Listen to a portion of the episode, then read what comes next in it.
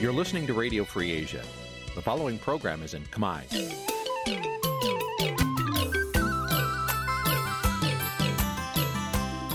Nǐ chi càm bi tiệp xáy vệt chiu a zì sê ray នេះជាកម្មវិធីផ្សាយរបស់ Vithu Azisari ជាភាសាខ្មែរ វត្តឈូអាស៊ីសេរីសូមស្វាគមន៍លោកអ្នកនាងទាំងអស់ពីរដ្ឋធានី Washington នៃសហរដ្ឋអាមេរិកបាទពីរដ្ឋធានីវ៉ាស៊ីនតោនខ្ញុំបាទសនចាររថាសូមជម្រាបសួរលោកអ្នកនាងស្ដាប់វិទ្យុអេស៊ីសរ៉ៃទាំងអស់ជាទីមេត្រីខ្ញុំបាទសូមជូនការផ្សាយសម្រាប់ព្រឹកថ្ងៃច័ន្ទ800ខែពិសាខឆ្នាំថោះចត្វាស័កពុរសករាជ2567ត្រូវនៅថ្ងៃទី8ខែសីហាគ្រិស្តសករាជ2023បាទជាដំបូងនេះ សូមអញ្ជើញលោកអ្នកនាងស្ដាប់ព័ត៌មានប្រចាំថ្ងៃដែលមានមេតិការដូចតទៅ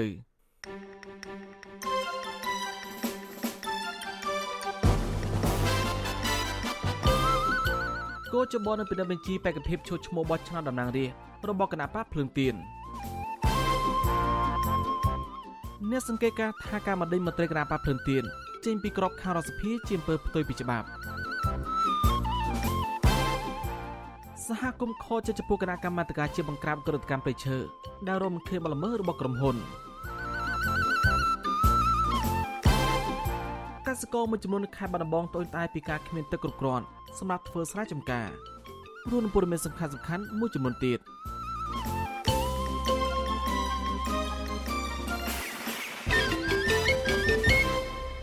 បាទជាបន្តទៅនេះខ្ញុំបាទសនចាររថាសូមជូនព័ត៌មានពិស្ដា គណៈបកភ្លឿនទៀមបានដាក់បញ្ជីបេក្ខភាពតំណាងរាស្ត្រទៅគណៈកម្មាធិការជ្រៀបចំការបោះឆ្នោតហៅកាត់ថាកោចបកាលពីថ្ងៃទី7ខែសីហាដោយមានតំណាងរាស្ត្រចូលឈ្មោះបោះឆ្នោតតាមអាសនៈតម្រូវទាំង125អាសនៈដែលមានសរុបទាំងបេក្ខជនពេញសិទ្ធិអមរងដែលមានចំនួនជិត270នាក់មន្ត្រីគណៈបានេះបញ្ជាក់ថាការដែលគណៈបកភ្លឿនទៀន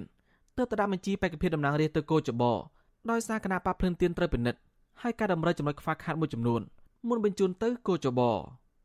អ្នកនាំពាក្យគណៈបកភ្លឿនទៀនលោកគឹមស៊ូភិរិតបានប្រាប់វិទ្យុអេស៊ីសរ៉ៃថ្ងៃទី7សីហាថាគណៈបកភ្លឿនទៀននឹងបញ្ចូលរួមការបោះឆ្នោតទេប្រសិនបើការឃោសនាបោះឆ្នោតនៅពេលខាងមុខនេះមានភាពអំប្រកដីដោយសារគណៈបកភ្លឿនទៀនចង់ឃើញការបោះឆ្នោតប្រកបដោយតម្លាភាពហើយគ្មានការធ្វើទុកបុកម្នេញលើសកម្មជនគណៈបក ខ្ញុំសង្ឃឹមថាពីនេះទៅដល់ការបោះឆ្នោតมันមានគេថាបរិយាកាសនយោបាយมันមានអ្វីគួរសសម្រាប់ការធ្វើសកម្មភាពគណៈបករឿងទៀនទេហើយសង្ឃឹមថាអាជ្ញាធរពាក់ព័ន្ធនឹងជួយសម្រួលសកម្មភាពនយោបាយมันមានការគម្រាមកំហែងมันមានការចោទប្រកាន់มันមានការវាយដំទៅលើសកម្មជនអ្នកគ្រប់គ្រងគណៈលើទៀនកាន់តែច្រើនឡើងទេឥឡូវនឹងមានមួយវាយមួយមួយហើយបន្តមុខទៀតយើងកំពុងតាមតាមអ្នកនាំពាក្យគណៈបកភ្លើងទៀនរំលាយបន្ថែមថាកោចបបានទទួលយកបញ្ជីបេក្ខភាពតំណាងរាស្ត្រ របស់គណៈបកភ្លើងទៀនរួចហើយហើយជួនដំណឹងមកវិញនៅ5ថ្ងៃក្រោយបើទោះបីជាគណៈបកនេះបានដាក់បញ្ជីបេក្ខភាពតំណាងរាស្ត្ររួចហើយក្តីកងការខ្លុំមើលសិទ្ធិមនុស្សអន្តរជាតិ Human Rights Watch កាលពីខែមេសាបានព្រមានកម្ពុជាសារជាថ្មីថាបើការបោះឆ្នោតនៅពេលខាងមុខនេះធ្វើឡើងដោយមិនសេរីនិងយុត្តិធម៌ទេហើយនៅតែមានការប្រើប្រាស់អំពើហិង្សានិងការគំរាមកំហែងលើសមាជិកគណៈបកប្រឆាំងហើយមិនឲ្យប្រើប្រាស់សិទ្ធិសេរីភាពបញ្ចេញមតិបណ្ដាប្រទេសប្រជាធិបតេយ្យធំធំដែលជាដៃគូពាណិជ្ជកម្មសំខាន់របស់កម្ពុជា រួមមានសហភាពអឺរ៉ុបសហរដ្ឋអាមេរិកនិងចក្រភពអង់គ្លេសគួរដាក់សម្ពាធបន្ថែមទៀតតាមរយៈការបញ្ចេញសារបានច្បាស់លាស់ដើម្បីលោកហ៊ុនសែនងាកទៅគោរពតាមកាតព្វកិច្ចសិទ្ធិមនុស្សអន្តរជាតិបានដូននាងជាទីមន្ត្រីមន្ត្រីគណៈបកភ្លើងទៀមម្នាក់ទៀតត្រូវបានប្រធានរដ្ឋសភាលោកហេងសំរិនបណ្ដឹងចេញពីក្របខ័ណ្ឌនៃស្ថាប័ននីតិបញ្ញត្តិភ្លាមភ្លាមបន្ទាប់ពីរំលោភបំរុងចោះចូលជាមួយគណៈបកកណ្ដាលអំណាចមន្ត្រីអង្គការសង្គមស៊ីវិល អំពីនិរដ្ឋស្ថាប័នពាក់ព័ន្ធទាំងអស់ត្រូវអនុវត្តច្បាប់ដោយដំណាភាពជីវៀងការរើសអើងនៅនៃការនយោបាយបានលន់នាងនៅបានស្ដាប់សេចក្តីរាយការណ៍អំពីរឿងនេះនៅពេលបន្តិចទៀតនេះបាទសូមអរគុណបានលន់នាងជាទីមន្ត្រីក្រមយុវជនចលនាមេដាធម្មជាតិបានបង្ហោះវីដេអូបង្ហាញពីសម្រស់កោះកុងក្រៅហើយបន្តទាមទាររដ្ឋាភិបាលដាក់កោះកុងក្រៅជាអាស៊ានជាតិសមុទ្រក្នុងវីដេអូដដែលក្រមយុវជនរៀបរាប់ពីធនធានធម្មជាតិ ដែលមានលើកោះរួមមានព្រៃឈើពណ៌បៃតងទឹកជ្រោះឆ្នេរសាច់សក្បកហើយបង្ហាញពីសារទៀមទាមួយចំនួនផងដែរការទៀមទារបស់ក្រមយុវជនកន្លងទៅដោយសារក្រសួងបរិស្ថានកាលពីខែមិថុនាឆ្នាំ2020បានបញ្ជូនមន្ត្រីជំនាញចុះសិក្សាស្រាវជ្រាវរៀបចំឯកសារនៅទិន្នន័យទាក់ទងនឹងកោះកុងក្រៅកាលពីឆ្នាំ2016ហើយក្រសួងថាឯនៅប្រកាសតំបន់កោះកុងក្រៅនេះជាសៀនជាសមុទ្រកាលពីអំឡុងឆ្នាំ2021ក្រោយបញ្ចប់ការសិក្សារួច ប៉ុន្តែរយៈពេលជាង7ឆ្នាំមកនេះក្រសួងមិនបានបង្ហាញជាសាធារណៈអំពីលទ្ធផលនៃការសិក្សាស្រាវជ្រាវឬក៏ការប្រកាសតំបន់កោះកុងក្រៅជាជាជាសមុទ្រដោយការសន្យារបស់ក្រសួងនៅឡើយទេ បញ្ហានេះធ្វើក្រុមយុវជនបារម្ភពីការបាត់បង់តំបន់ធម្មជាតិមួយនេះស្របពេលតំបន់នេះបានប្រកល់សមាជិកប្រសិទ្ធិមកពីគណៈបកប្រជាជនកម្ពុជា គឺអញ្ញាលីយំផាត់សម្រាប់អភិវឌ្ឍកោះកុងឬនៅស្រុកនិយមហៅថាកោះកុងក្រៅដែលមានទីតាំងនៅឃុំជ្រោយប្រោះស្រុកកោះកុង ដែលមានចម្ងាយប្រមាណ30គីឡូម៉ែត្រពីក្រុងខេមរៈភូមិន្ទខេត្តកោះកុងកោះកុងក្រៅគ្របដណ្ដប់ដោយព្រៃឈើក្រាស់ខ្មឹកអមនៅទៅជ្រោះច្រើនកន្លែងហើយមានជីវៈចម្រុះច្រើនប្រភេទពិសេសកោះនេះមានឆ្នេរខ្សាច់សក្បកនិងមានទឹកសមុទ្រពណ៌ខៀវស្រងាត់បានលោកនៅនឹងជាទីមត្រីមន្ត្រីគណៈបកភ្លើនទៀមម្នាក់ត្រូវបានប្រធានរដ្ឋសភាលោកហេងសំរឹមបណ្ដឹងចេញពីក្របខ័ណ្ឌនៃស្ថាប័ននីតិបញ្ញត្តិភ្លាមភ្លាមបន្ទាប់ពីរំលោភមិនព្រមចោះចូលជាមួយគណៈបកកណ្ដាលអំណាច មន្ត្រីអង្គការសង្គមស៊ីវិលអំពីវិនិយោគដល់ស្ថាប័នពាក់ព័ន្ធទាំងអស់ត្រូវអនុវត្តច្បាប់ដោយដំណាភាពជីវឹងការរើអង្គនិងនៃការនយោបាយបានពីរដ្ឋធានីវ៉ាស៊ីនតោនលោកមេរិតរាយការណ៍ព័ត៌មាននេះមន្ត្រីគណៈបកភ្លើងទៀនខកចិត្តនឹងចាត់ទុកការលុបឈ្មោះរបស់លោកចេញពីក្របខ័ណ្ឌពីសំណាក់ស្ថាប័នរដ្ឋសភាឯកបកថាគឺជារឿងនយោបាយនិងជារឿងអយុត្តិធម៌បំផុតសម្រាប់មន្ត្រីរាជការដែលមាននិន្នាការផ្ទុយ អនុប្រធានក្រុមការងារគណៈបកភ្លើងទៀនប្រចាំខេត្តតកៅលោកអ៊ីម៉ូលីប្រាប់វិសុវស៊ីស្រីថាលោកបានដាក់លិខិតស្នើសុំឈប់ពិសេសដើម្បីចូលឈ្មោះបោះឆ្នោតជ្រើសតាំងតំណាងរាស្ត្រឲ្យគណៈបកភ្លើងទៀនស្របតាមនីតិវិធីនិងបទបញ្ជារបស់កោជបដែលបានកំណត់ក៏ប៉ុន្តែលោកថាកាលពីថ្ងៃទី5ខែឧសភា ប្រធាននាយកដ្ឋានស្រាវជ្រាវច្បាប់នៃរដ្ឋសភាឯកបកឈ្មោះជាកំហនបានហៅលោកទៅសាកសួរនិងលួងលោមឲ្យលោកចោះចូលជាមួយគណៈបកកណ្ដាលអំណាចដោយសន្យាដំឡើងទួនាទីនិងបានប្រមានដកក្របខ័ណ្ឌចោលក៏ប៉ុន្តែលោកនៅតែប្រកាន់ជំហរមិនចោះចូលដដែលលោកថាក្រោយលោកបានបដិសេធជាច្រើនដង គឺត្រឹមតែ3ម៉ោងប្រធានរដ្ឋសភាលោកហេងសំរិន បានចេញលិខិតលុបឈ្មោះលោកចេញពីក្របខ័ណ្ឌទាំងបំពេញច្បាប់ កន្លែងខ្ញុំធ្វើការគឺជាស្ថាប័នកម្ពុជារបស់ជាតិជាស្ថាប័ននីតិបញ្ញត្តិជាកន្លែងដែលចងក្រងច្បាប់ធ្វើច្បាប់អនុអនុម័តច្បាប់ក៏ប៉ុន្តែបុគ្គលបុគ្គលដែលអនុវត្តនោះគាត់ហាក់ដូចជាពុំមានសតិសម្បញ្ញៈយកច្បាប់មកប្រើគឺតាមកំហឹងបុគ្គលដែលខំអូសទាញខ្ញុំអត់បានដូចចិត្តខ្លួនក៏សម្រាប់លុបឈ្មោះខ្ញុំចេញពីក្របខ័ណ្ឌត្រីរាជការលោកអ៊ីម៉ូលីអះអាងថាកន្លងមក លោកពុំបានអនុវត្តខុសពីទូនាទីអ្វីនោះឡើយ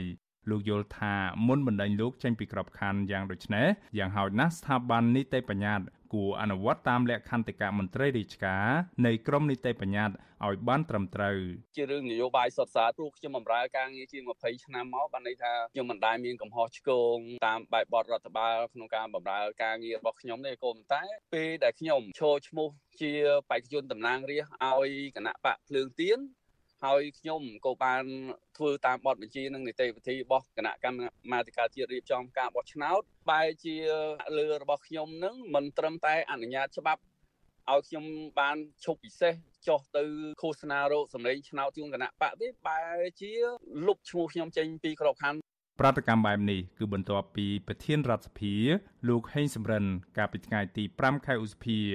បានលុបឈ្មោះលោកអ៊ីម៉ូលីដែលជាមន្ត្រីរាជការបម្រើការងារនៅការិយាល័យស្រាវជ្រាវច្បាប់នៃអគ្គនាយកដ្ឋាននីតិកម្មនិងស្រាវជ្រាវចេញពីក្របខ័ណ្ឌនៃអគ្គលេខាធិការដ្ឋានរដ្ឋសភា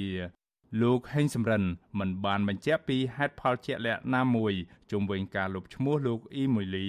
ចេញពីក្របខ័ណ្ឌនេះឡើយវិសុវស៊ីស្រីមិនអាចតាក់ទងអគ្គលេខាធិការរដ្ឋសភា លោកលេងពេញឡុងដើម្បីសុំការបកស្រាយជុំវិញរឿងនេះបាននៅឡើយទេនៅថ្ងៃទី7ខែឧសភាការបោះឆ្នោតថ្នាក់ជាតិកាន់តែខិតជិតមកដល់អង្គការសិទ្ធិមនុស្សជាតិនិងអន្តរជាតិមើលឃើញថារដ្ឋាភិបាលលោកហ៊ុនសែនកំពុងបង្កើនការធ្វើទុកបុកម្នេញគ្រប់រូបភាពមកលើថ្នាក់ដឹកនាំនិងមន្ត្រីគណៈបកភ្លើងទៀនដូចជាការចាប់ចងដាក់ពន្ធនាគារនិងការលួចវាយដំដោយដំបងជាដើម មាត្រា40នៃច្បាប់ស្តីពីលក្ខន្តិកៈមន្ត្រីរាជការនៃក្រមនីតិបញ្ញត្តិចែងថាអ្នករាជការដែលមានធុរៈអាចត្រូវបានអនុញ្ញាតឲ្យឈប់សម្រាកពីការងារចំណែកមាត្រា47ចែងពីទណ្ឌកម្មវិន័យថ្នាក់ទី1រួមមានការស្ដីបន្ទោសដែលមានចោះចំណាំនៅក្នុងសំណុំលិខិតផ្ទាល់ខ្លួនឬការផ្លាស់ដោយបង្ខំតាមវិធានការខាងវិន័យចំណែកទណ្ឌកម្មវិន័យថ្នាក់ទី2 គឺមិនដំឡើងថ្នាក់នៅក្នុងពេលវេលាមិនលើសពី2ឆ្នាំឬដាក់ឲ្យទំនេរប្រាក់បៀវត្សឬធ្ងន់ធ្ងរជាងនេះបណ្តេញចេញពីមុខតំណែងមន្ត្រីរាជការរីឯមាត្រា25នៃច្បាប់ស្តីពីការបោះឆ្នោតជ្រើសតាំងតំណាងរាស្ត្រចែងថាមន្ត្រីរាជការស៊ីវិលមន្ត្រីតុលាការកងកម្លាំងនគរបាលជាតិ កងយោធពលខេមរៈភូមិន្ទសមាជិកក្រុមប្រឹក្សាធម្មនុញ្ញសមាជិកឧត្តមក្រុមប្រឹក្សានៃអង្គចៅក្រម និងបុព្វជិតសាសនា ដែលមានបំណងឈរឈ្មោះបោះឆ្នោតជ្រើសតាំងតំណាងរាស្ត្រត្រូវដាក់ពាក្យសុំច្បាប់ឈប់ពិសេសឬលាចាកសិក្ខាបទរហូតដល់ថ្ងៃប្រកាសលទ្ធផលនៃការបោះឆ្នោតជាស្ថាពរយ៉ាងតិច7ថ្ងៃមុនថ្ងៃបើកយុទ្ធនាការឃោសនាបោះឆ្នោតមេត្រាដដែលចែងថា ប្រសិនបើសម័យខ្លួនជាប់ឆ្នោតសម័យខ្លួនត្រូវដាក់ពាក្យសុំតាមឋានានុក្រមទៅសម័យក្រសួង ឬសម័យអង្គភាព ទៅបម្រើការក្រៅក្របខ័ណ្ឌដើមក្នុងរយៈពេលអាណត្តិរបស់ខ្លួនទោះបីជាច្បាប់បានកំណត់បែបនេះក្តីកន្លងទៅ ក្រសួងស្ថាប័នរដ្ឋ ពីថ្នាក់ក្រោមរហូតដល់ថ្នាក់ជាតិដែលស្ថិតក្រោមការដឹកនាំរបស់លោកនាយរដ្ឋមន្ត្រីហ៊ុនសែនបានលុបឈ្មោះមន្ត្រីរាជការតាមអំពើចិត្តក្នុងនោះមានដូចជាគ្រូបង្រៀនជាង10នាក់ដែលភ ieck ច្រើនបានជាប់ឆ្នោតជាសមាជិកក្រុមប្រឹក្សាឃុំស្រុកនិងខេត្តមកពីគណៈបពប្រឆាំងត្រូវបានក្រសួងអប់រំលុបឈ្មោះចេញពីក្របខ័ណ្ឌបើទោះបីជាពួកគាត់បានអនុវត្តត្រឹមត្រូវតាមច្បាប់យ៉ាងណាក៏ដោយ ប្រធានមជ្ឈមណ្ឌលប្រជាពលរដ្ឋដើម្បីអភិវឌ្ឍនិងសន្តិភាពលោកយងកំឯងមើលឃើញថាមន្ត្រីរាជការមួយចំនួន បានធ្វើសកម្មភាពគ្រប់គ្រងគណៈបកនយោបាយផ្សេងផ្សេងក៏ប៉ុន្តែចុងក្រោយនេះមន្ត្រីរាជការដែលគ្រប់គ្រងគណៈបកប្រឆាំងត្រូវបានស្ថាប័នលុបឈ្មោះពួកគេចេញពីក្របខ័ណ្ឌរដ្ឋលោកថាប្រសិនបើលោកអ៊ីម៉ូលីប្រព្រឹត្តកំហុសវិជ្ជាជីវៈមែននោះស្ថាប័នរដ្ឋាភិបាល គួរហៅលោកមកសួរណែនាំរកមូលហេតុពិតប្រាកដមុននឹងលុបឈ្មោះចេញពីក្របខ័ណ្ឌយ៉ាងដូចនេះលោកបន្តថាផ្អែកតាមច្បាប់មន្ត្រីរាជការដែលមានបំណងឈរឈ្មោះបោះឆ្នោតត្រូវសុំច្បាប់ពិសេសជាមុនសិនលោកយងកំឯងអំពាវនាវឲ្យស្ថាប័នពាក់ព័ន្ធត្រូវអនុវត្តច្បាប់ដោយតម្លាភាពដោយគ្មានការរើសអើងនិន្នាការនយោបាយរដ្ឋធម្មនុញ្ញរបស់យើងគឺបានកំណត់ច្បាស់ឲ្យកម្ពុជាប្រកាន់យកនៅរបបជាធិបតេយ្យសេរីពហុបកអញ្ចឹងកាលណាមានពហុបកក៏ន័យថា មនុស្សអាចមានការចូលចិត្តមានការជំរើសក្នុងការគ្រប់គ្រងនយោបាយនោះផ្សេងផ្សេងគ្នាបាទប៉ុន្តែគាត់ថាបើសិនជាយើងជាមន្ត្រីរាជការត្រូវតែអនុវត្តទៅតាមច្បាប់ស្តីពីសហលក្ខន្តិកៈមន្ត្រីរាជការស៊ីវិលហើយច្បាប់បោះឆ្នោតលោកអ៊ីមូលីបានចូលបម្រើការងារជាមន្ត្រីរាជការនៅអគ្គលេខាធិការដ្ឋាននៃរដ្ឋសភាអស់រយៈពេលជាង20ឆ្នាំមកហើយគឺគិតចាប់ពីខែមករាឆ្នាំ2003 ក្រៅពីការងារជាមន្ត្រីរាជការលោកតែងបានចូលរួមសកម្មភាពនយោបាយជាមួយគណៈបកក្រៅរដ្ឋាភិបាលជាហូហែដែលលោកធ្លាប់កាន់តួនាទីជាលេខាធិការក្រុមការងារគណៈបកសង្គ្រោះជាតិប្រចាំខេត្តស្វាយរៀងនៅមុនពេលដែលតឡាការកម្ពុជារំលាយគណៈបកនេះចោលកាលពីចុងឆ្នាំ2017បន្ទាប់មកទៀតលោកបានដឹកនាំគណៈបកឆន្ទៈខ្មែរជាមួយកូនប្រុសរបស់លោកគង់គំគឺលោកគង់មនីកា ហើយបច្ចុប្បន្នលោកអ៊ីមូលីជាមន្ត្រីគណៈបកភ្លើងទៀនដែលឈរឈ្មោះតំណាងរាស្ត្រលេខរៀងទី6នៃមណ្ឌលតាកែវសម្រាប់ការបោះឆ្នោតអាណត្តិទី7ចាប់តាំងពីលោកចូលរួមសកម្មភាពនយោបាយជាមួយគណៈបកភ្លើងទៀននៅចុងឆ្នាំ2022មករដ្ឋាភិបាលលោកហ៊ុនសែនបានបញ្ចប់មុខតំណែងលោកពីឧត្តមក្រុមប្រឹក្សាពិគ្រោះនឹងផ្ដល់យោបល់ និងលុបឈ្មោះលោកចេញពីក្របខ័ណ្ឌមន្ត្រីរាជការនៃស្ថាប័ននីតិបញ្ញត្តិកាលពីពេលថ្មីៗនេះថែមទៀតគិតចាប់តាំងពីឆ្នាំ2020ក្រៅពីលោកអ៊ីម៉ូលី គឺមានមន្ត្រីគណៈបកភ្លើងទៀនយ៉ាងហោចណាស់ក៏4នាក់ហើយត្រូវបានលុបឈ្មោះចេញពីក្របខ័ណ្ឌមន្ត្រីរាជការក្នុងនោះរួមមានលោកផុនសុភាមន្ត្រីបម្រើការងារនៅការិយាល័យកសាងសមត្ថភាពនៃទីចាត់ការគ្រប់គ្រងធនធានមនុស្សនៃសាលាខេត្តកណ្ដាល លោកកៅសុមនីមន្ត្រីបម្រើការងារនៅនាយកដ្ឋានសុខភាពផ្លូវចិត្តនិងការបំពេញគ្រឿងញៀននៃក្រសួងសុខាភិបាល លោកអេងស្រួយគ្រូបង្រៀននៅអង្គភាពក្រមប្រឹក្សាអភិវឌ្ឍគ្រូនគរបាលជាតិនៃបណ្ឌិតសភានគរបាលកម្ពុជានិងលោកខឹមមនីកុសល មន្ត្រីសុខាភិបាលជាន់ខ្ពស់នៃមន្ទីរសុខាភិបាលខេត្តបៃលិនខ្ញុំបានមានរិទ្ធ Visual Asia ស្រីពីរដ្ឋធានី Washington បាទលោកនៅនាងជាទីមន្ត្រី អ្នកខ្លំមើលជំរុញរដ្ឋាភិបាលមានវិធានការលើវិបត្តិសេដ្ឋកិច្ចស្របពេលអញ្ញាមួយចំនួននិងពលរដ្ឋរាប់សែនអ្នកកំពុងរងផលប៉ះពាល់ដោយផ្ទាល់ពួកគេលើកឡើងថាប្រសិនបើមិនមានវិធានការតាន់ពេលវេលាទេប្រជាប្រដ្ឋដែលមានសេដ្ឋកិច្ចទន់ខ្សោយនឹងរងផលប៉ះពាល់កាន់តែខ្លាំងដែលឈានដល់ការកើតមានវិបត្តិសង្គមផ្សេងៗទៀតផង បានពីរដ្ឋធានីវ៉ាស៊ីនតោនលោកជីវតារាយការណ៍ព័ត៌មាននេះ អ្នកឃ្លាំមើលការអភិវឌ្ឍសង្គមដែលមានជំនាញផ្នែកសេដ្ឋកិច្ចជំរុញឲ្យរដ្ឋាភិបាលដាក់ចេញវិធានការបន្ទាន់មួយព្រោះវិបត្តិសេដ្ឋកិច្ចនិងបំណុលឈានដល់ចំណុចធ្ងន់ធ្ងរហើយបណ្ឌិតសេដ្ឋកិច្ចលោកសុកហាជលើកឡើងថាកម្ពុជាកំពុងប្រឈមវិបត្តិសេដ្ឋកិច្ចធ្ងន់ធ្ងរគឺបណ្ដាលមកពីរងផលប៉ះពាល់ពីឥទ្ធិពលជំងឺរាតត្បាត COVID-19 និងសង្គ្រាមនៅអ៊ុយក្រែនលោកបន្តថាចំណូលចូលក្នុងប្រទេសទាំងវិស័យទេសចរ ការវិនិយោគនិងការលក់ធនធានធម្មជាតិស្ថិតក្នុងស្ថានភាពលំបាកលោកសុកហាជបញ្ជាក់ថាបើទោះជាប្រទេសផ្សេងទៀតដូចជាវៀតណាមនិងថៃដែលរងផលប៉ះពាល់ពីជំងឺ Covid-19 និងសង្គ្រាមនៅអ៊ុយក្រែនដែរនោះក៏សេដ្ឋកិច្ចរបស់ពួកគេងើបឡើងលឿនជាងកម្ពុជា ស្ថានភាពសេដ្ឋកិច្ចស្រុកខ្មែរយើង គឺមានភាពពិបាកពិបាកខ្លាំងណាយើងដឹងហើយគឺគ្រប់គ្នាទទួលផលពិបាកមកពី COVID-19 បាន COVID-19 ហើយគឺយើងមានផលវិបាកជាប់តាក់ទងនឹងសង្គ្រាមនៅអ៊ុយក្រែនហើយប្រទេសណាក៏ដូចជាប្រទេសណាដែរទទួលហ្នឹងប៉ុន្តែប្រទេសកម្ពុជាយើងអាចទទួលធ្ងន់ជាងគេដោយសារសេដ្ឋកិច្ចយើងមិនតន់រឹងមាំទេសេដ្ឋកិច្ចយើងនៅខ្សោយ នៅក្នុងរយៈពេល4ខែដំបូងនៃឆ្នាំ2023នេះ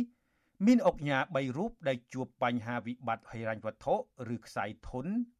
ក្នុងនោះមានលោកស្រីមនដានីម្ចាស់បុរី KP លោកជាសរនប្រធានក្រុមហ៊ុននឹងបុរីផ្ទះល្វែងនិងលោកនួនអូកប្រធានក្រុមហ៊ុនអចលនៈទ្រព្យអុកញ៉ាទាំង3រូបនេះជួបបញ្ហាសេដ្ឋកិច្ចដែលក្នុងមួយក្រុមហ៊ុន មានពលរដ្ឋពីរាប់ពាន់ទៅរាប់ម៉ឺននាក់បញ្ជាក់ថា ពួកគេខាតបង់ជាមួយក្រុមហ៊ុនទាំងនេះ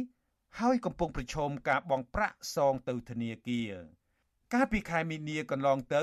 ក្រសួងការងារបានប្រកាសថារោងចក្រជិត100បានបិទទ្វារហើយកម្មករជាង30000នាក់ជួបបញ្ហាសេដ្ឋកិច្ចដែលត្រូវការប្រាក់ឧបត្ថម្ភពីរដ្ឋចំណែកប្រធានកម្មវិធីប្រឆាំងការជួញដូរមនុស្សនិងទេសនប្រវេសនៃអង្គការសង្ត្រាល់លោកឌីថេហូយ៉ាថ្លែងថា ចំនួនពលរដ្ឋខ្មែរសម្រុកទៅធ្វើការនៅប្រទេសថៃទាំងខុសច្បាប់និងស្របច្បាប់ហាក់កើនឡើងលោកបន្តថាមូលហេតុដែលពលរដ្ឋខ្មែរសម្រុកឆ្លងដែនទាំងប្រថុយប្រឋាននិងគ្រោះថ្នាក់នេះគឺដោយសារពួកគេរកការងារមិនបាននៅក្នុងស្រុកវិស័យកាត់ដេរសម្រាប់ជើងសម្លៀកបំពាក់ហ្នឹងយើងឃើញថាជាវិស័យមួយដែលទទួលផ្ដល់នៅការងារដល់ពលរដ្ឋបានច្រើនក៏ប៉ុន្តែយើងឃើញមួយរយៈក្រោយនេះមានតែបិទរោងចក្រសហគ្រាសមួយចំនួនច្រើនដែរ ហើយមួយទៀតយើងឃើញវិស័យដែលកើននោះគឺពាក់ព័ន្ធនឹងរឿងសំណង់ក៏ប៉ុន្តែយើងបានសាកសួរពលរដ្ឋខ្មែរយើងតាមមូលដ្ឋានហើយគាត់ថាមកធ្វើការសំណង់នៅភ្នំពេញចាញ់បោកជាងទៅថៃអញ្ចឹងភាគច្រើនគាត់អត់សូវចំណាក់ស្រុកមកពេញដើម្បីធ្វើកិច្ចការងារសំណង់គាត់ច្រើនតែត្រឡប់ទៅថៃវិញវិទ្យុអាស៊ីសេរីមិនអាចតាក់ទងแนะនាំពាក្យរដ្ឋាភិបាលលោកផៃស៊ីផាននិងแนะនាំពាក្យក្រសួងសេដ្ឋកិច្ចនិងហិរញ្ញវត្ថុលោកមាសសុកសេនសាន ដើម្បីសូមអត្ថាធិប្បាយជុំវិញបញ្ហានេះបានទេ នៅថ្ងៃទី7ខែឧសភាចំណែកលោកនាយករដ្ឋមន្ត្រីហ៊ុនសែនវិញ តែងលើកឡើងជាញឹកញាប់ថាសេដ្ឋកិច្ចកម្ពុជាមានភាពរឹងមាំបើទោះជាបានឆ្លងកាត់វិបត្តិជំងឺ Covid-19 ក៏ដោយរដ្ឋាភិបាលរបស់លោកក៏បានចំណាយថវិការាប់រយលានដុល្លារក្នុងការរៀបចំប្រកួតកីឡាស៊ីហ្គេមហើយមិនយកថ្លៃស្នាក់នៅនិងអាហារហូបចុកពីគណៈប្រតិភូបរទេសទៀតផង ជុំវិញបញ្ហាវិបត្តិសេដ្ឋកិច្ចនេះអ្នកសេដ្ឋកិច្ចលោកសុកហាជនិងជាអនុប្រធានគណៈបកភ្លើងទៀនផងនោះថ្លែងថារដ្ឋាភិបាលគួរមានវិធានការទប់ស្កាត់ដើម្បីកុំឲ្យបញ្ហាសេដ្ឋកិច្ចកាន់តែធ្លាក់ធ្ងន់ធ្ងរថែមទៀតអ្នកទាំងអស់គ្នាអ្នកនយោបាយជាពិសេសណានយោបាយនៅកាន់អំណាចសពថ្ងៃហើយនៅនយោបាយអ្នកដែលថារំពឹងទៅកាន់អំណាចថ្ងៃក្រោយនោះ គឺមានវិធានការឲ្យបានច្បាស់លាស់ពីរឿងដោះស្រាយបញ្ហាជាក់ស្ដែងរបស់ប្រជាជនយើងពីព្រោះប្រជាជនយើងគាត់អត់មានការងារនៅក្នុងស្រុកទេហើយមិនគឺគាត់បាត់បង់ការងារខ្ញុំចង់និយាយចេះគឺថាអត់មានការងារថ្មីមកនៅក្នុងស្រុកយើងឬក៏មានហើយហ្នឹងក៏គាត់បាត់បង់ទៀតរីឯអ្នកសិក្សាផ្នែកសង្គមនិងនយោបាយលោកប៉ៅមករាលើកឡើងថាវិបត្តិពលរដ្ឋធ្វើចំណាក់ស្រុកនិងការរឹបអូសទ្រព្យសម្បត្តិ អាចកើនឡើងច្រើន បើមិនមានការទប់ស្កាត់ឲ្យទាន់ពេលវេលាព្រោះវិបត្តិសេដ្ឋកិច្ចកំពុងកើតមានចំពោះទាំងអ្នកមានទាំងអ្នកក្របញ្ហាវិបត្តិសេដ្ឋកិច្ចហើយអញ្ចឹងវានឹងមានបញ្ហាទាំងអស់គ្នាអញ្ចឹងនៅពេលដែលឃើញអង្គការមហាសិទ្ធិមួយចំនួនដែលរកស៊ីធំធំនៅក្នុងកម្ពុជាយើងដែលមានបញ្ហាយើងគិតថាវាជាបញ្ហារបស់អ្នកមានវាមិនជាបញ្ហារបស់អ្នកក្រប៉ុន្តែវានឹងអាចថារាលដាលដល់អ្នកក្រហើយអ្នកក្រដែលមានបញ្ហាវានឹងរាលដាលដល់អ្នកមានដែរ អញ្ចឹងអ្នកណាអ្នកណាក៏ត្រូវតែពឹងពាក់អាស្រ័យនេះជាងរដ្ឋាភិបាលគួរតែមានវិធានការមួយអាចថាវាជាវិធានការសម្រាប់វត្ថុវត្ថុឬការបងធនាគារការសងត្រឡប់ទៅវិញទៅដល់ធនាគារណាបើទោះជារដ្ឋាភិបាលបន្តអះអាងថាសេដ្ឋកិច្ចកម្ពុជា បន្តរីកចម្រើនក៏ដោយចុះក៏សន្ទុះពលរដ្ឋសម្រុកឆ្លងដែនទាំងខុសច្បាប់ទៅរកការងារធ្វើនៅប្រទេសថៃមិនថយចុះឡើយនៅចុងខែមេសាកន្លងទៅនេះ ពលរដ្ឋខ្មែរជិត1000នាក់ត្រូវសមត្ថកិច្ចថៃចាប់ឃុំខ្លួនពីបទមិនមានឯកសារស្របច្បាប់ ដែលក្នុងនោះមានទាំងការដាក់ច្រវាក់ចងជាក្រុមជាក្រុមទៀតផងខ្ញុំជីវិតាអាស៊ីសេរីបានលោកនាងជាទីមន្ត្រីសហគមន៍ហួចចិត្តដល់គណៈកម្មាធិការជាតិដើម្បីទប់ស្កាត់និងបង្ក្រាបបទល្មើសធនធានធម្មជាតិរួមឃើញបទល្មើសដែលកើតឡើងនៅក្រុមហ៊ុននៅជុំវិញតំបន់ព្រៃឡង់ស្របពេលកន្លងមកសហគមន៍និងសកម្មជនរកឃើញការកាប់បំផ្លាញព្រៃឡង់ប្រព្រឹត្តដោយក្រុមហ៊ុនឯកជន សហគមន៍និងសកម្មជនចាត់ទុកការបង្ក្រាបនេះថាជាការសម្ដែងមិនមែនជាការបង្ក្រាបពិតប្រាកដទេ បាទពីរដ្ឋធានីវ៉ាស៊ីនតោនលោកមេរិន មានសេចក្តីរាយការណ៍មួយផ្សេងទៀតអំពីរឿងនេះការបង្ក្រាបបទល្មើសព្រៃឈើនៅតំបន់ព្រៃឡង់កើតមានឡើងក្រោយពីលោកសៅសុខាបានបញ្ជាកាលពីថ្ងៃទី24ខែមេសាកន្លងទៅ គឺឃើញមានសមាជិកជាច្រើនអ្នកបានចុះទៅដល់តំបន់អភិរក្សភ្លាមភ្លាមក្រោយមកក៏មានការខាត់គោយន្តម៉ូតូឡានដឹកឈើមូលធំធំ និងមនុស្សមួយចំនួនត្រូវបានបញ្ជូនទៅតុលាការខេត្តក្រចេះដើម្បីអនុវត្តច្បាប់ក៏ប៉ុន្តែយុទ្ធនាការបង្ក្រាបនេះមិនបានរកឃើញការជាប់ពាក់ព័ន្ធរបស់ក្រុមហ៊ុនឯកជន ដែលមានទីតាំងនៅជាប់តំបន់ព្រៃឡង់នោះទេទោះបីជាកងរាជអាវុធហត្ថលើផ្ទៃប្រទេសចាប់បានឈើជាច្រើនម៉ែត្រគីបនៅក្នុងបរិវេណក្រុមហ៊ុនទាំងនោះក្តីមេបញ្ជាការកងរាជអាវុធហត្ថខេត្តព្រះវិហារលោកកងសកុនប្រាប់វិសុយស៊ីស្រីនៅថ្ងៃទី7ខែឧសភាថាកម្លាំងកងរាជអាវុធហត្ថលើផ្ទៃប្រទេសនិងខេត្តបានចុះស្រាវជ្រាវជាងកន្លះខែមកនេះរមមិនឃើញបទល្មើសព្រៃឈើនៅតំបន់ព្រៃឡង់ខាងខេត្តព្រះវិហារនោះទេហើយក៏រមមិនឃើញបទល្មើសដែលជាប់ពាក់ព័ន្ធជាមួយក្រុមហ៊ុន Macol Logistics ដែរលោកបានថែមថាកម្លាំងជំនាញរបស់លោក កំពុងបោះទីតាំងដើម្បីបង្ក្រាបបទល្មើសព្រៃឈើនៅក្នុងតំបន់ព្រៃឡង់លោកថាប្រសិនបើប្រជាពលរដ្ឋឬប្រជាសហគមន៍ដែលបានប្រទះឃើញបទល្មើសនៅត្រង់ចំណុចណាមួយនោះពួកគេអាចប្តឹងទៅកម្លាំងរបស់លោកបានពួកខ្ញុំដើរប្រហែលថ្ងៃនេះខ្ញុំរុកអូដល់ខ្ញុំបើកឡានរុកដល់ព្រៃឡង់ទៀតប៉ុន្តែមិនឃើញជួបការប្រឹងផ្លាយហ្នឹងចូលទៅអត់ជួបទេពីគោលដៅគឺជ័យសែនហើយនឹងរៀងអត់អត់ជួបសោះអត់អត់មានជួបទេ ចំណែកឯក្រុមហ៊ុន Sing Biotech នៅខេត្តក្រចេះវិញអ្នកនាំពាក្យកងរាជអាវុធហត្ថលើផ្ទៃប្រទេសលោកអេងហ៊ីឲ្យដឹងថាទោះបីគណៈកម្មការជាតិដើម្បីទប់ស្កាត់និងបង្ក្រាបបទល្មើសធនធានធម្មជាតិខាត់ឈើជាច្រើននៅក្នុងក្រុមហ៊ុនក៏ពិតមែនក៏ឈើទាំងអស់នោះជាឈើមានច្បាប់អនុញ្ញាតព្រោះគឺមានច្បាប់មានទម្លាប់អីវាមិនអានឹងធម្មតាការស្រាវជ្រាវយើងនៅតែធ្វើការងារយើងមិនទាន់ដឹងថាអ្នកណាពាក់ព័ន្ធពាក់ព័ន្ធយើងអត់ទាន់និយាយបានទេ សាគមនិងសកម្មជនហួសចិត្តនិងខកចិត្តដែលគណៈកម្មការជាតិរងមិនឃើញបទល្មើសព្រៃឈើប្រព្រឹត្តដោយក្រុមហ៊ុន Sing Biotech និងក្រុមហ៊ុន Macro Logistics ដែលធ្លាប់កែនប្រជាពលរដ្ឋឲ្យចូលទៅកាប់ឈើយកទៅលក់ឲ្យក្រុមហ៊ុនរបស់ខ្លួនបណ្ដាញសហគមន៍ព្រៃឡង់ខេត្តព្រះវិហារលោកខែមសុខីឲ្យដឹងថាមន្ត្រីសមាជិកជំនាញថ្នាក់ខេត្តរបស់គណៈកម្មការជាតិមិនបានស្រាវជ្រាវឲ្យគ្រប់ជ្រុងជ្រោយនោះទេ លោកថាការបង្ក្រាបនៅតំបន់ព្រៃឡង់ខេត្តព្រះវិហារសមត្ថកិច្ចហាក់ចុះទៅដើម្បីបង្ក្រប់កិច្ចតែប៉ុណ្ណោះលោកបានថែមថាបណ្ដាញសហគមន៍ព្រៃឡង់តែងតែចេញរបាយការណ៍និងព័ត៌មានជាសាធារណៈអំពីការកាប់បំផ្លាញព្រៃឈើដែលជាប់ពាក់ព័ន្ធជាមួយក្រុមហ៊ុន Macro Logistics ដែលមានទីតាំងស្ថិតនៅក្នុងបរិវេណក្រុមហ៊ុនវៀតណាម PNT លោកបានថែមទៀតថាការរកមិនឃើញបទល្មើសព្រៃឈើដែលមិនជាប់ពាក់ព័ន្ធជាមួយក្រុមហ៊ុនឯកជន នៅជុំវិញតំបន់ព្រៃឡង់ធ្វើឲ្យសហគមន៍លែងមានជំនឿទៅលើគណៈកម្មការជាតិដើម្បីទប់ស្កាត់និងបង្ក្រាបបទល្មើសធនធានធម្មជាតិហើយទទួលចង់បានគឺការធ្វើជារៀងរហូត ដើម្បីសល់ព្រៃដែលសេះសល់មិនមែនធ្វើមកប្រាវដើម្បីរបាយការណ៍ទេគឺធ្វើដើម្បីឲ្យសល់ព្រៃសម្រាប់មនុស្សជាតិទូទាំងពិភពលោកអានឹងដែល អ្វីដែលខ្ញុំចង់បានអឺអ្វីដែលខ្ញុំសម័យចង់បានទៅថ្ងៃមុខជុំវិញរឿងនេះសកម្មជនបរិស្ថាន លោកអូតឡាទីន ដែលធ្លាប់ចុះទៅស្រាវជ្រាវរកឃើញបទល្មើសព្រៃឈើនៅតំបន់ព្រៃឡង់យល់ឃើញថាគណៈកម្មការជាតិគួរតែបន្តស្រាវជ្រាវបន្ថែមទៀតនិងដាក់កម្លាំងសម្ងាត់ដើម្បីតាមដានទៅលើក្រុមហ៊ុនទាំងអស់ដែលមានទីតាំងជាប់តំបន់ការពារធម្មជាតិមួយនេះលោកថាបើពុំដូច្នោះទេ ក្រុមហ៊ុនទាំងនេះនឹងវិលត្រឡប់មករកស៊ីកັບបំផ្លាញព្រៃឈើសារជាថ្មីម្ដងទៀតលោកអូឡាទីនបន្ថែមថាកាលពីពេលកន្លងទៅ ក្រុមសកម្មជន អង្គការសង្គមស៊ីវិលដែលបានចុះល្បាតតែងតែជួបកម្មកររបស់ក្រុមហ៊ុន ហើយពួកគេបានសារភាពថាពួកគេកម្មនឹងដឹកជញ្ជូនឈើយកទៅឲ្យក្រុមហ៊ុនអង្គរ Plywood និងក្រុមហ៊ុន Macol Logistics ពីព្រោះកន្លងទៅពេលដែលពួកយើងធ្វើការស៊ើបអង្កេតធ្វើការជួបក្រុមជនល្មើសហ្នឹងគឺក្រុមជនល្មើសតែងតែបញ្ជាក់ហើយនឹងអះអាងប្រាប់ថាពួកគាត់គឺជាក្រុមកម្មកររបស់ក្រុមហ៊ុន ជាពិសេសគឺក្រុមហ៊ុនអង្គរ Plywood ហើយនិងក្រុមហ៊ុន Macon Logistics ដែលទទួលទិញឈើពីប្រជាពលរដ្ឋដើម្បីយកធ្វើអាជីវកម្មបន្តកាលពីថ្ងៃទី23ខែមិថុនាឆ្នាំ2020 ក្រសួងកសិកម្មដែលចុះហត្ថលេខាដោយអតីតរដ្ឋមន្ត្រីនៃក្រសួងនេះគឺលោកវែងសខុនបានអនុញ្ញាតឲ្យក្រុមហ៊ុន Macro Logistics របស់លោកសយសុផលប្រមូលឈើនៅក្នុងអនុតំបន់2អនុតំបន់3និងអនុតំបន់4ស្ថិតក្នុងបរិវេណដីសម្បត្តិសេដ្ឋកិច្ចរបស់ក្រុមហ៊ុន PNT ចំណែកឯក្រុមហ៊ុន Sing Biotech ក្រុមហ៊ុននេះ ក៏ទទួលបានដីសម្បត្តិសេដ្ឋកិច្ចនៅលើផ្ទៃដីសរុបជាង34,000ហិកតាកាលពីថ្ងៃទី12ខែសីហាឆ្នាំ2011ដើម្បីធ្វើជាស្ថានីយ៍ផ្សព្វផ្សាយនិងស្ដារព្រៃឈើឡើងវិញស្ថិតនៅក្នុងខេត្តក្រចេះនិងខេត្តស្ទឹងត្រែង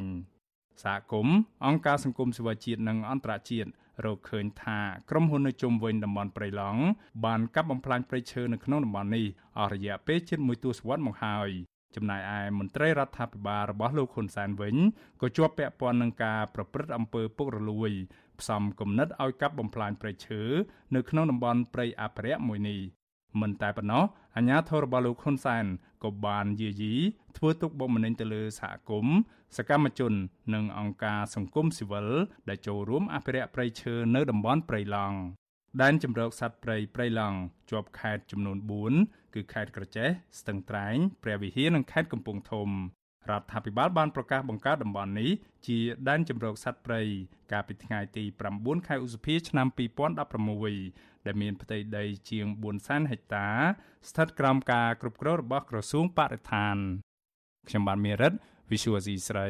ពីរដ្ឋធានី Washington បានលោកនៅនាងជាទីមន្ត្រីប្រជាកសិករមួយចំនួននៅខេត្តបាត់ដំបង ត្អូញត្អែថាគ្មានទឹកគ្រប់គ្រាន់សម្រាប់ធ្វើស្រែចម្ការរដូវប្រាំងស្របពេលអាជ្ញាធរនៅមន្ទីរពាក់ព័ន្ធគ្រប់គ្រងទ្វារទឹកបំរុំបើបង្ហូរឲ្យបរិវត្តប្រាប្រាមន្ត្រីអង្គការសង្គមស៊ីវិលយល់ឃើញថាអាជ្ញាធរគួររស្រាយបញ្ហានេះជូនដល់បរិវត្តដើម្បីប្រកបអាចធ្វើស្រែចម្ការគ្រប់គ្រងជីវភាពគ្រួសារបាទពីរដ្ឋធានីវ៉ាស៊ីនតោនអ្នកស្រីសុជីវីរាយការណ៍ព័ត៌មាននេះប្រជាកសិករនៅខេត្តបាត់ដំបងសោកស្ដាយដែលអាជ្ញាធរមិនដោះស្រាយបញ្ហាខ្វះទឹកឲ្យប្រជាពលរដ្ឋធ្វើស្រែចម្ការ ដែលធ្វើឲ្យដំណាំរបស់ពួកគេខូចខាត និងបាត់បង់ប្រាក់ចំណូលការត្អូញត្អែនេះបន្ទាប់ពីស្រូវរបស់ប្រជាពលរដ្ឋមួយចំនួនបានស្កកនិងដំណាំមួយចំនួនទៀតស្វិតងាប់ជាច្រើនហិកតា ក្រោយអាជ្ញាធរមិនព្រមបើកទំនប់អាងកំពីងពួយបង្ហូរទឹកនិងធ្វើប្រព័ន្ធធារាសាស្ត្របន្ថែមឲ្យប្រជាពលរដ្ឋកសិករនៅភូមិតាក្រៀមលោកព្រៀបព្រាយប្រាប់វិទ្យុអាស៊ីសេរីកាលពីថ្ងៃទី7ខែឧសភាថា នៅរដូវប្រាំងនេះ លោកធ្វើស្រែបង្វាស់មេឃដោយសារតែនៅតាមប្រឡាយនិងអូគ្មានទឹកសម្រាប់បូមដាក់ស្រែនោះទេ លោកបន្តថាសប្តាហ៍ថ្ងៃលោកមានជីវភាពលំបាកដោយសារតែធ្វើស្រែបានតែម្ដងនៅក្នុងមួយឆ្នាំហើយកសិផលគ្មានទីផ្សារលក់នៅក្នុងតម្លៃសមរម្យទៀតសូមឲ្យរដ្ឋាភិបាលជួយ គឺមិនត្រូវភាសាចាប់ពីខែ5ខែ6នេះទៅដល់ខែ8នេះឲ្យបានជ្រោតភាសាទេកុំឲ្យដល់ពេលដល់ខែ8ខែ9នេះត្រូវគ្នាពងទុំអាទឹកអាងពីពីខែនេះអត់បើកឲ្យទេដល់ខែ9ខែ8ខែ9ទឹកព្រៀងខ្លាំងតិចអាងកពីពួយបើកបលិចថែមស្រូវនេះចេញហើយអញ្ចឹងសនុពោឲ្យក្រសួងធនធានទឹកពិនិត្យមើលអានឹងមែនតើ ប្រជាកសិកររស់នៅឃុំតាក្រៀមនិងមានភូមិចំនួន11មានផ្ទៃដីប្រមាណ800ហិកតារួមនឹងភូមិដទៃទៀតជុំវិញអាងកំពីងពួយសរុបជាង8000ហិកតា កំពុងប្រឈមនឹងស្កកស្រូវនិងដីប្រេះបែកក្រហែងដោយសារតែគ្មានទឹកស្រោចស្រពកសិករនៅស្រុកកំរៀងម្នាក់ទៀតសូមមិនបញ្ចេញឈ្មោះថ្លែងថានៅតំបន់ដែលលោករស់នៅគ្មានប្រព័ន្ធធារាសាស្ត្រដែលជាស្ទឹងបឹងប្រឡាយនោះទេ គឺជីកអណ្ដូងដើម្បីយកទឹកប្រើប្រាស់និងដាំដុះដំណាំ លោកបន្តថាដំណាំល្ហុងជិត4ហិកតារបស់លោកគឺពឹងផ្អែកទៅលើទឹកភ្លៀងខ្លះនិងទឹកអណ្ដូងខ្លះលោកបន្ថែមថាកន្លងទៅប្រជាពលរដ្ឋនាំគ្នាស្នើទៅអាជ្ញាធរជាច្រើនលើកឲ្យសាងសង់ទំនប់ទឹកឬប្រឡាយដែរប៉ុន្តែអាជ្ញាធរធ្វើមិនដឹងមិនលឺបណ្ដោយឲ្យប្រជាពលរដ្ឋជីកស្រះជីកអណ្ដូងដោយខ្លួនឯង។ បាទបាទអូនិយាយពីពិបាករកអីមកទូទាត់ស្ងាត់បាននិយាយពីពិបាកអត់មានបន្លាយគឺថាតាមតលទ្ធភាពទៅទៅបានមួយស្លាយដែលទឹករៀងនាំទៅបានណាពួលដំណាំលហុងដំណាំលទៅដំណាំអីហ្នឹងវាអាស្រ័យទៅលើធម្មជាតិដែរតែអត់ភ្លៀងទៅវាចង់ងាប់ចង់រួចហ្នឹងភ្លៀងបានវារស់វិញទៅតាមអាស្រ័យទៅលើធម្មជាតិផ្អែកលើធម្មជាតិវិទ្យុអាស៊ីសេរីមិនអាចតាក់ទងប្រធានមន្ត្រីធនធានទឹកនិងអូតូនិយមខេត្តបាត់ដំបងលោកឡុងផលគុណ ដើម្បីសូមអត្ថាធិប្បាយជុំវិញបញ្ហាខ្វះទឹកនេះបានទេ កាលពីថ្ងៃទី7ខែឧសភាជុំវិញរឿងនេះមន្ត្រីអ្នកសម្របសម្រួលអង្គការលីកាដូប្រចាំនៅក្នុងខេត្តបាត់ដំបងលោកអិនគង្ជិតមានប្រសាសន៍ថាអញ្ញាធរគួរតែធ្វើប្រព័ន្ធធារាសាស្ត្រនិងធ្វើផ្លូវរំដោះទឹកឲ្យបានគ្រប់គ្រាន់ដើម្បីបង្កភាពងាយស្រួលដល់ពលរដ្ឋធ្វើស្រែចម្ការលោកបន្តថាបញ្ហាខ្វះខាតទឹកសម្រាប់ធ្វើកសិកម្មនេះកើតមានស្ទើររាល់ថ្ងៃដូច្នេះ អាជ្ញាធរគួរតែបង្កើនការយកចិត្តទុកដាក់ដោះស្រាយបញ្ហាជូនពលរដ្ឋសនំពោសូមឲ្យអាជ្ញាធរឃុំស្រុកដែលមានប្រជាពលរដ្ឋរងផលប៉ះពាល់ដោយខ្វះទឹកគ្រប់គ្រាន់ ត្រូវប្រាំងហ្នឹងសូមដូចជាលោកមេឃុំលោកអភិបាលស្រុកនិងមន្ត្រីធនធានទឹកគួរចោះទៅពិនិត្យមើលជាក់ស្ដែងវាយតម្លៃអំពីតម្រូវការទឹកនឹងដើម្បីរប្រភពចែកចាយបញ្ជូនគុតគង់ទៅឲ្យគាត់ដើម្បីបានសង្គ្រោះផលស្រូវដែលត្រូវខូចខាតដើម្បីឲ្យពួកគាត់កុំឲ្យខាតបង់ផលទុនច្រើនកន្លងទៅប្រជាពលរដ្ឋធ្លាប់រិះគន់ក្រសួងកសិកម្មនិងក្រសួងធនធានទឹកថាសមត្ថភាពក្នុងការដោះស្រាយបញ្ហាជូនពលរដ្ឋ ដែលក្នុងរដូវវស្សាទឹកជន់លិចដំណាំនិងខែប្រាំងគ្មានទឹកស្រោចស្រពដំណាំចំណែកឯក្រសួងកសិកម្មវិញគឺពលរដ្ឋខំធ្វើស្រែចម្ការយ៉ាងលំបាកប៉ុន្តែបែរជាមិនបានរកទីផ្សារឲ្យប្រជាពលរដ្ឋហើយថែមទាំងបន្ទោសប្រជាពលរដ្ឋថាដាំដំណាំមិនមើលតម្រូវការទីផ្សារទៅវិញទោះយ៉ាងណាក្តីប្រជាកសិករនៅតែអំពាវនាវដល់អាជ្ញាធរនិងក្រសួងពាក់ព័ន្ធឲ្យជួយដោះស្រាយបញ្ហាខ្វះខាតប្រព័ន្ធធារាសាស្ត្រដើម្បីសម្រួលឲ្យមានផ្លូវរំដោះទឹកគ្រប់គ្រាន់ និងសម្រួលដល់ជីវភាពរស់នៅរបស់ពួកគាត់ឲ្យមានភាពល្អប្រសើរនាងខ្ញុំសុជីវីវិទ្យុអាស៊ីសេរីពីរដ្ឋធានី Washington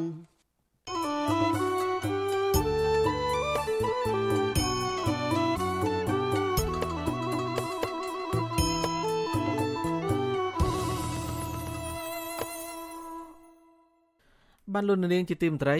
អ្នកជំនាញសុខភាពដឹងថាភាពតានតឹងក្នុងចិត្តឬការថប់បារម្ភ និងបញ្ហាធ្លាក់ទឹកចិត្តបណ្ដាប៉ះពាល់ធ្ងន់ធ្ងរដល់សុខភាពដូចជាជំងឺបេះដូងបញ្ហាគេងមលក់មានអារម្មណ៍ក្រៀមក្រំកាត់ទូចនិចអស់សង្ឃឹមក្នុងការរស់នៅហើយចង់ធ្វើអត្តឃាតជាដើមតើពុកម្ដាយឬក៏មិត្តភ័ក្តិអាចមានវិធីអ្វីខ្លះដើម្បីជួយដល់អ្នកមានបញ្ហាសុខភាពផ្លូវចិត្តធ្ងន់ធ្ងរបានពីរដ្ឋធានីវ៉ាស៊ីនតោនអ្នកស្រីម៉ៅសុធីនីរាយការណ៍ព័ត៌មាននេះជំងឺធ្លាក់ទឹកចិត្ត គឺជាជំងឺមួយធ្ងន់ធ្ងរដែលសង្គមខ្មែរទាំងមូលមិនសូវចាប់អារម្មណ៍ខ្វះការយកចិត្តទុកដាក់ពីក្រុមគ្រួសារនិងគ្មានសេវាព្យាបាលបឋមពីក្រុមគ្រូពេទ្យជំនាញនោះឡើយជំងឺប្រភេទនេះតែងតែជួបប្រទះនៅក្នុងជីវិតមនុស្សម្នាក់ម្នាក់មិនថាចាស់ឬក្មេង មានឬក្រនោះឡើយហើយច្រើនកាត់ឡើងលេឡំជាមួយជំងឺផ្សេងផ្សេងដទៃទៀតអ្នកជំនាញសុខភាពឲ្យដឹងថាអ្នកមានបញ្ហាធ្លាក់ទឹកចិត្ត មានអារម្មណ៍ឯកោគិតថាគ្មាននរណាអាចជួយសម្រាលការឈឺចាប់និងទុក្ខលំបាករបស់ពួកគេបានឡើយទើបពួកគេមិនត្រូវការសុំជំនួយ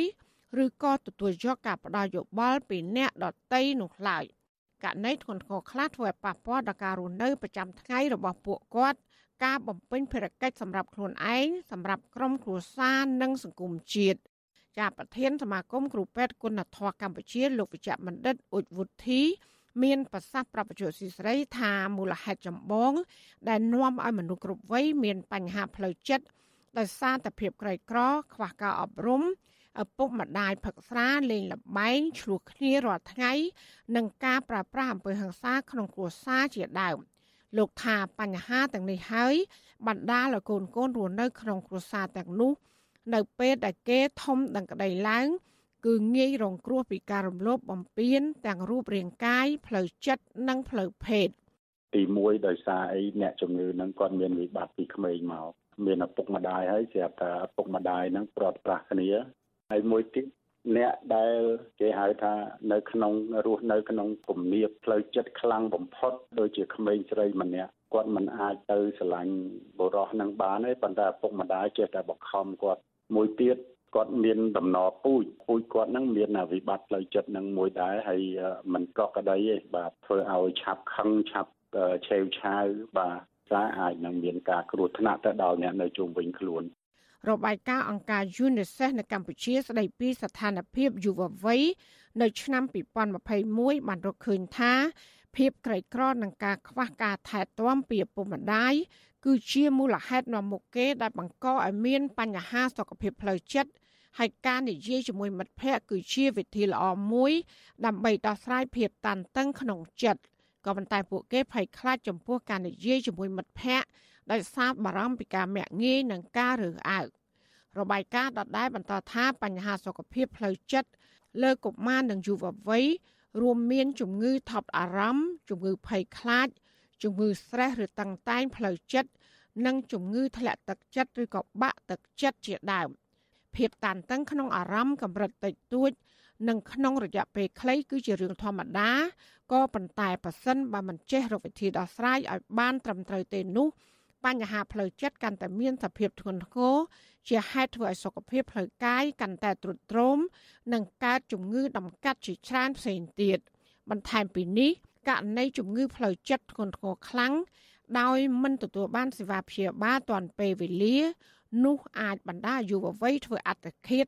ដូចជាការប្រាថ្នាលេបចងកឬលោតសម្រាប់ខ្លួនពីលើស្ពានជាដើម ក្នុងរបបបល័យពុទ្ធសាសន៍ខ្មែរក្រហម មនុស្សចន្លោះពី1លាន7សែនទៅ2លាននាក់បានស្លាប់ ក្រោមរូបភាពនៃការធ្វើការហួសកម្លាំងការបង្អត់អាហារការធ្វើទរណកម្មនិងការយកទៅសម្លាប់ពីបទចោទប្រកាន់ផ្សេងផ្សេង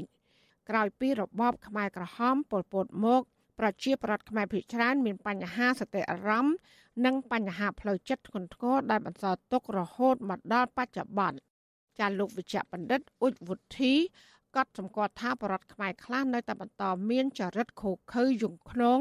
គ្មានសិលធម៌ត្រឹមត្រូវប្រើប្រាស់គ្រឿងញៀននិងសេពសារាជាច្រើនដែលជាមូលហេតុនាំឲ្យបាត់បង់ស្មារតីនិងហ៊ាន ប្រព្រឹត្តអំពើខុសខើដោយមិនបានពិចារណាម៉ត់ចត់យើងមើលស្រុកខ្មែរឃើញច្រើនណាសម្រាប់គ្នា កាត់ក្បាលកាត់អីលេខសម្រាប់ប្រពន្ធបាញ់ប្រពន្ធបាញ់ប្តីឃើញស្អីក៏មានស្រុកខ្មែរយើងឃើញកន្លែងហ្នឹងហើយដែលសង្គមយើងគួរណាដែលយើងរៀបអ្នកដែលចេះណែនាំមនុស្សទាំងអស់ហ្នឹងកុំឲ្យកាចសាហាវដោយសម័យពលពតព្រោះខ្ញុំបានឆ្លងកាត់សម័យពលពតខ្ញុំមានវិបត្តិផ្លូវចិត្តដែរគេវាយធ្វើបាបបាទចិត្ត9នៅជាមួយគេគេវាយចងអត់ឲ្យបាយហូបហើយគេប្រើពាក្យមួយម៉ាត់គេថាចិញ្ចឹមឯង អត់ប្រយោជន៍ចិញ្ចឹមជ្រូកមានតម្លៃជាងបានសាច់លក់ខ្ញុំឈឺចាប់ពេលដែលនិយាយខ្ញុំស្រក់ទឹកភ្នែកលោកវិជ្ជបណ្ឌិតអ៊ុចវិធីណែនាំឪពុកម្ដាយត្រូវយកចិត្តទុកដាក់ពិនិត្យតាមដាននិងសង្កេតពីអាកប្បកិរិយាប្រែប្រួលរបស់កូនកូនដូចជាចូលចិត្តអង្គុយសញ្ជប់សញ្ជឹងមិនសូវនិយាយស្ដីគេចវេះពីគេឯងឬក៏សំងំនៅក្នុងបន្ទប់ដោយមិនបានចេញក្រៅទាល់តែសោះបន្ថែមពីនេះក៏មិនបានប្រស្រ័យតាក់ទងជាមួយមិត្តភ័ក្តិ និងសមាជិកក្រុមគ្រួសារជាដើមលោកថាពុកម្ដាយនិងអាណាព្យាបាលត្រូវតែយកពេលវេលាជជែកជាមួយកូនកូនដោយសម្រួល និងលើកទឹកចិត្តកូនកូនឲ្យនិយាយប្រាប់ពីអារម្មណ៍របស់ពួកគេ ដោយមិនត្រូវស្ដីបន្ទោសនោះឡើយសំខាន់ជាងនេះទៅទៀតឪពុកម្ដាយត្រូវស្វះស្វែងរកជំនួយសេវាផ្លូវចិត្តពីក្រុមគ្រូពេទ្យជំនាញទីមួយឲ្យគាត់មានមិត្តភ័ក្តិល្អល្អនៅជុំវិញខ្លួនមានបងប្អូនល្អល្អនៅជុំវិញខ្លួន កុំរើសអើងគាត់ជួយឲ្យយោបល់គាត់ហើយទៅហាត់ប្រាណជុំគ្នាដើរអីចឹងទៅចេះតែនាំនិយាយហើយកុំរើសអើងគាត់ទី2ត្រូវឲ្យគាត់ប្រើថ្នាំដើម្បីរងាប់អារម្មណ៍ពេលណាដែលគាត់គិតច្រើនគាត់អត់មានពីណាជួយលួងទឹកចិត្តគាត់ចឹងអ្នកដែលនៅជុំវិញខ្លួនបងប្អូនខ្ញុំផ្ដាំគឺជួយមើលគាត់ហើយ នាំគាត់ទៅមើលទេសភាពស្ងាយឆ្ងាយដែលប្លែកដែលគាត់ឃើញទៅថាអូស្អាតស្រស់គេហទំព័រសុខភាពជាច្រើនក៏បានផ្ដល់ដំបូន្មានដែរថា ម្នាក់ម្នាក់ត្រូវរៀនគ្រប់គ្រងភាពតានតឹងកុំទុកឲ្យបញ្ហាឬក៏ភាពស្មុគស្មាញក្នុងខ្លួនច្រើនពេករកជំនួយឬសេវាព្យាបាលឲ្យបានឆាប់ឆាប់គេងឲ្យបានគ្រប់គ្រាន់ហាត់ប្រាណឲ្យបានទៀងទាត់ទទួលទានរបបអាហារមានជីវជាតិ ដូចជាសាច់បន្លែផ្លែឈើសម្បូរទៅដោយវីតាមីនជាតិរ៉ែកាត់បន្ថយជាតិកាហ្វេអ៊ីនគ្រឿងស្រវឹងនិងមិនត្រូវយកគ្រឿងញៀនមកធ្វើជាដំណោះស្រាយដាច់ខាត ការត្រាវជ្រាវរបស់អង្គការក្រៅរដ្ឋាភិបាលមួយឈ្មោះកម្មវិធីសុខភាពផ្លូវចិត្តបានឲ្យដឹងថាប្រជាប្រដ្ឋខ្មែរបច្ចុប្បន្នប្រមាណជាង40%រងគ្រោះដោយសារបញ្ហាផ្លូវចិត្តបញ្ហាសុខភាពផ្លូវចិត្តនេះ គឺជាបន្ទុកធ្ងន់ធ្ងរដល់សង្គមកម្ពុជាបច្ចុប្បន្នដែលកើតឡើងទ្វេដងនៅក្នុងចំណោមអ្នកក្រីក្របន្ថែមពីនេះកម្ពុជា នៅមានបញ្ហាខ្វះខាត នៅមជ្ឈមណ្ឌលសុខភាពផ្លូវចិត្តនិងគ្រូពេទ្យជំនាញចិត្តសាស្ត្រដើម្បីព្យាបាលនិងផ្តល់ដំបូន្មានដល់អ្នកជំងឺផ្លូវចិត្តចានាងខ្ញុំម៉ៃសុធានីវិទ្យុអាស៊ីស្រីប្រធានាធិបតី Washington